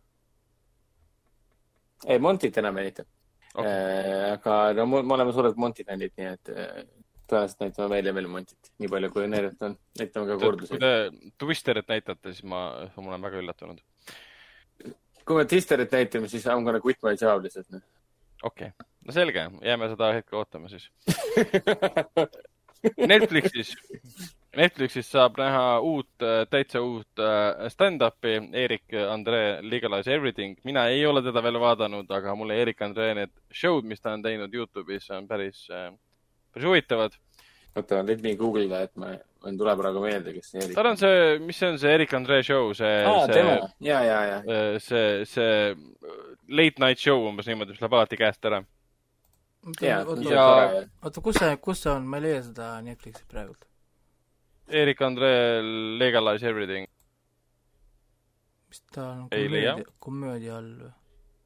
ma panen lihtsalt E- Erik Andre otsingusse. ta peaks kohe viskama. okei okay.. Et alles, alles tuli, mulle Äh, ma sain kätte Erik Andre. no küll jah, ta lihtsalt ei näita mulle millegipärast seda siin komöödia all. viiskümmend üks minutit. päris pikk. ma lihtsalt mainin, et äh, lihtsalt mainin siia vahepeal, et Steam'i Summer Sale äh, läks, läks praegu üles, sest mulle tuli Steamilt teade, et kakskümmend viis mängu minu Steam'i wishlist'is on praegu on, on sale. jaa, aga kas sul on vaja osta ühteid neid mänge juurde? Ma praegu vaatan No, nimekirja, et väga ei ole. mul, mul on juba PlayStation nelja peal nii palju mänge, mida praegu mängida, et ma, ma nüüd üks, korraks, ma nüüd korraks lähen vaatan, mis seal pakutakse. nii, palun venna, jätka. kuigi siin on küll üks mäng, see Hot Lava, mis on sõna, sõna otseses mõttes, et The Floor is Lava, the video game. aga lähme edasi lähme edasi filmidega. endiselt on Netflixis olemas, mida mina pole endiselt vaadanud, sest pole aega olnud äh,. Spike Lee The Five Bloods. samuti ka praegu Kip, on the Age of Wonder Beast teine hooaeg. ja nüüd peaks praegu saada olema juba siis ka Eurovision Song Contest The Story of äh, Fire saaga, on juba tänasest või? Kui ei ole, kui veel ei ole, siis peaks kohe tulema. euro, ära vaadata. Eurovision. Tegemist on siis, äh, Will- reedel, reedel tuleb, reedel tuleb. reedel, ehk siis äh, saate ilmumise päeval tuleb see Eurovision Song Contest of Fire saaga, minu selle siis aasta oodatav film. esimesed arvustused on äh, väga positiivsed olnud. Will Ferrellit ja Rachel McAdamsit kiidetakse. näed, no vähemalt juba need, Rottenis on ta juba Rotten. No okei okay,, mina olen siis teisi arvustusi näinud. see on Will Ferrelli film, siin pole midagi imelikku, ta Rotten on. jah, aga liigume edasi Telia juurde. Telia HBO-s on olemas äh, Perry Mason, mida öeldakse, ma pole vaadata jõudnud, aga selle kohta öeldakse, et tuleb anda aega äh, esimesele, esimesele, esimestele episoodidele, sest ta teeb päris kõvasti build-up'i. tähendab, et äh, mingist kuuend-, mingi kolmandast, neljandast episoodist hakkab see seriaal oma elu elama. alguses ta võib tunduda mm, kuidagi, ma saan aru, et väga, väga aeglane slow burn. Amazon Prime videos soovitan endiselt vaadata The Terrori, The Terrori teist hooaega ja siis ka Joseph Gordon-Levitti Põnevikku seitse tuhat viissada. Apple TV-s äh, ma ei oskagi rohkem midagi soovitada peale selle, et seal on olemas Central Park, seal on olemas Sea, seal on olemas Defending Jacob aa, see. ja, ja see on äh, vahepeal ikka lisandub uusi asju tuli just juurde see The Voice tuli või mingi see, mm. -hmm. Tuli. oota, see oli The Waste. oli Voice vist oli või? kus kohas see J.J. Abramsi äh, produtseeritud äh, äh, draamaseriaal, ma sain jah aru., see nüüd jah, mulle pommitas siin, et okei, aa, see, ja, ja, ja ma nägin ka seda uudist, ja, tuli küll, jah. see oli mingi tuntud lauljaga vist. aa, see on mingi la laulmisseriaal jaa, ta või? otsib oma, ta kirjutab ise lugusid, nii muusikat kui sõnu ja siis otsib äh, oma breakthrough'd. aga asjad Aa, ei lähe, aga ma vaatasin pool episoodi ja ma ei viitsi, sest iga kord, kui tal midagi ei lähe, siis süüdi on ikka tema rass ja süüdi on äh, mehed ja süüdi on süsteem, mis ta tagasi surub ja ma ei viitsi, ma, ma, ma, mul ei ole aega selle jaoks. ei Aus., ei, ei, kuidas kuidas see meem oli, et I can, I ain't got time for this või midagi laadset, ja, igatahes. ja täpselt. aga, aga sellega, sellega saamegi saatele joone alla tõmmata. või on äh, viimaseid äh, on Ja sellel- sa ennem mainisid seda mängu Floris Lava, siis tegelikult eh, Netflixi tuli see nende enda mingi game show Floris tuli,, jah. Floris Jaa. Lava. jaa, ma tulid. ma vaatasin seda ühe episoodi ära, ma rohkem ei viitsi, sest see, see, on äh, jubedalt piinlik.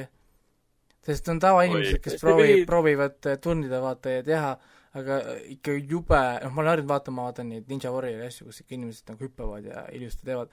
seal on ikka inimesed, kes ei suuda hüpata poolteist meetrit ka ja kukuvad alati kõhuli näole ja ja päris mm., päris inetu ja piinlik on vaadata mingeid emmesid äh, noh, ronimas seal ja niisugune nagu oi, oi, oi. noh, ei ole nagu, nagu noh, mina alguses mõtlesin, kui see tuli, see Flores Lava, et see on nagu jälle võetakse mingid fitness inimesed või sportlased või värgid, kes suudavad hüpata ja ronida ja teha niisugust vägevat sahvi, lihtsalt see Flores Lava on nagu see noh, stage või noh, kus nad nagu teevad neid asju.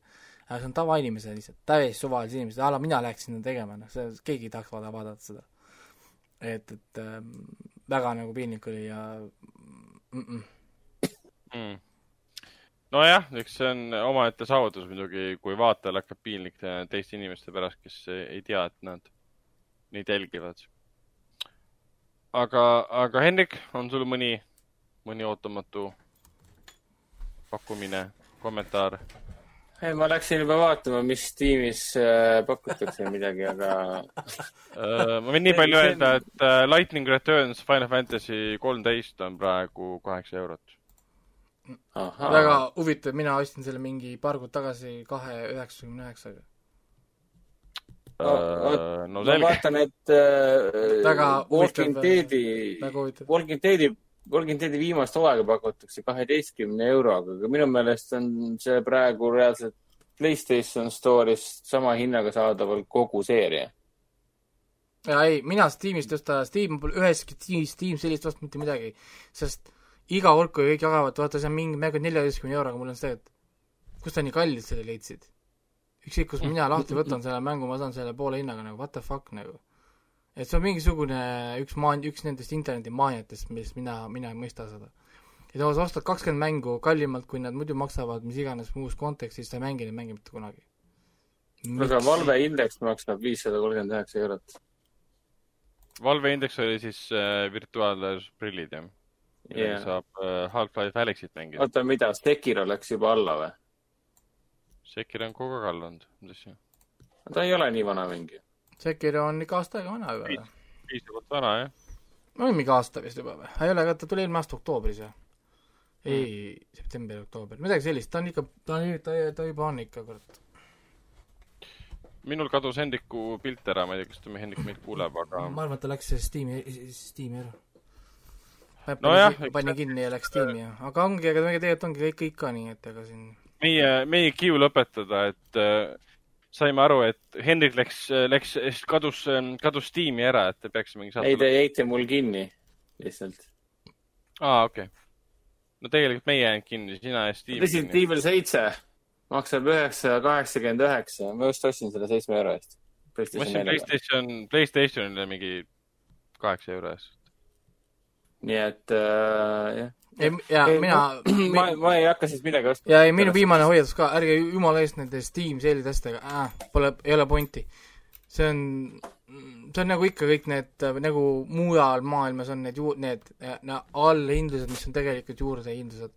et kaks nädalat Jaa, ennem no- äh, pannakse hinnad kõrgeks ja siis äh, see päev, kui on äh, see suur allahindlus, siis tõmmatakse hinnad alla, mis tegelikult on kakskümmend kolm protsenti kõrgemad kui tavahind, nii et äh, ma, ma panin juba kinni, et mul on siin ju Last of Us kaks, mul on siin Horizon Zero Dawn, mul on siin äh, Witcher kolm äh,, mul on siin ootab äh, Rise of the Tomb Raider, mul siin ootab God of War, come on, mul on siin no mul on jaa, terve elu mängida sul ei ole ka. mitte ühtegi asja mõõdet. sinna vaja juurde. selge Aga- ma tõenäoliselt midagi, midagi ostan, mis on mingi kaks eurot või. kuule, pane kinni. selge okei, panin kinni. ei, ma mõtlen, et vene, et ta ei tohi Steamis olla praegu. sa panid panid kinni juba või? ei pannud, ei pannud. aa, okei. aga loeme, loeme saate saateks ja näeme järgmine kord, tšau. tšau. teeme nii, tšau.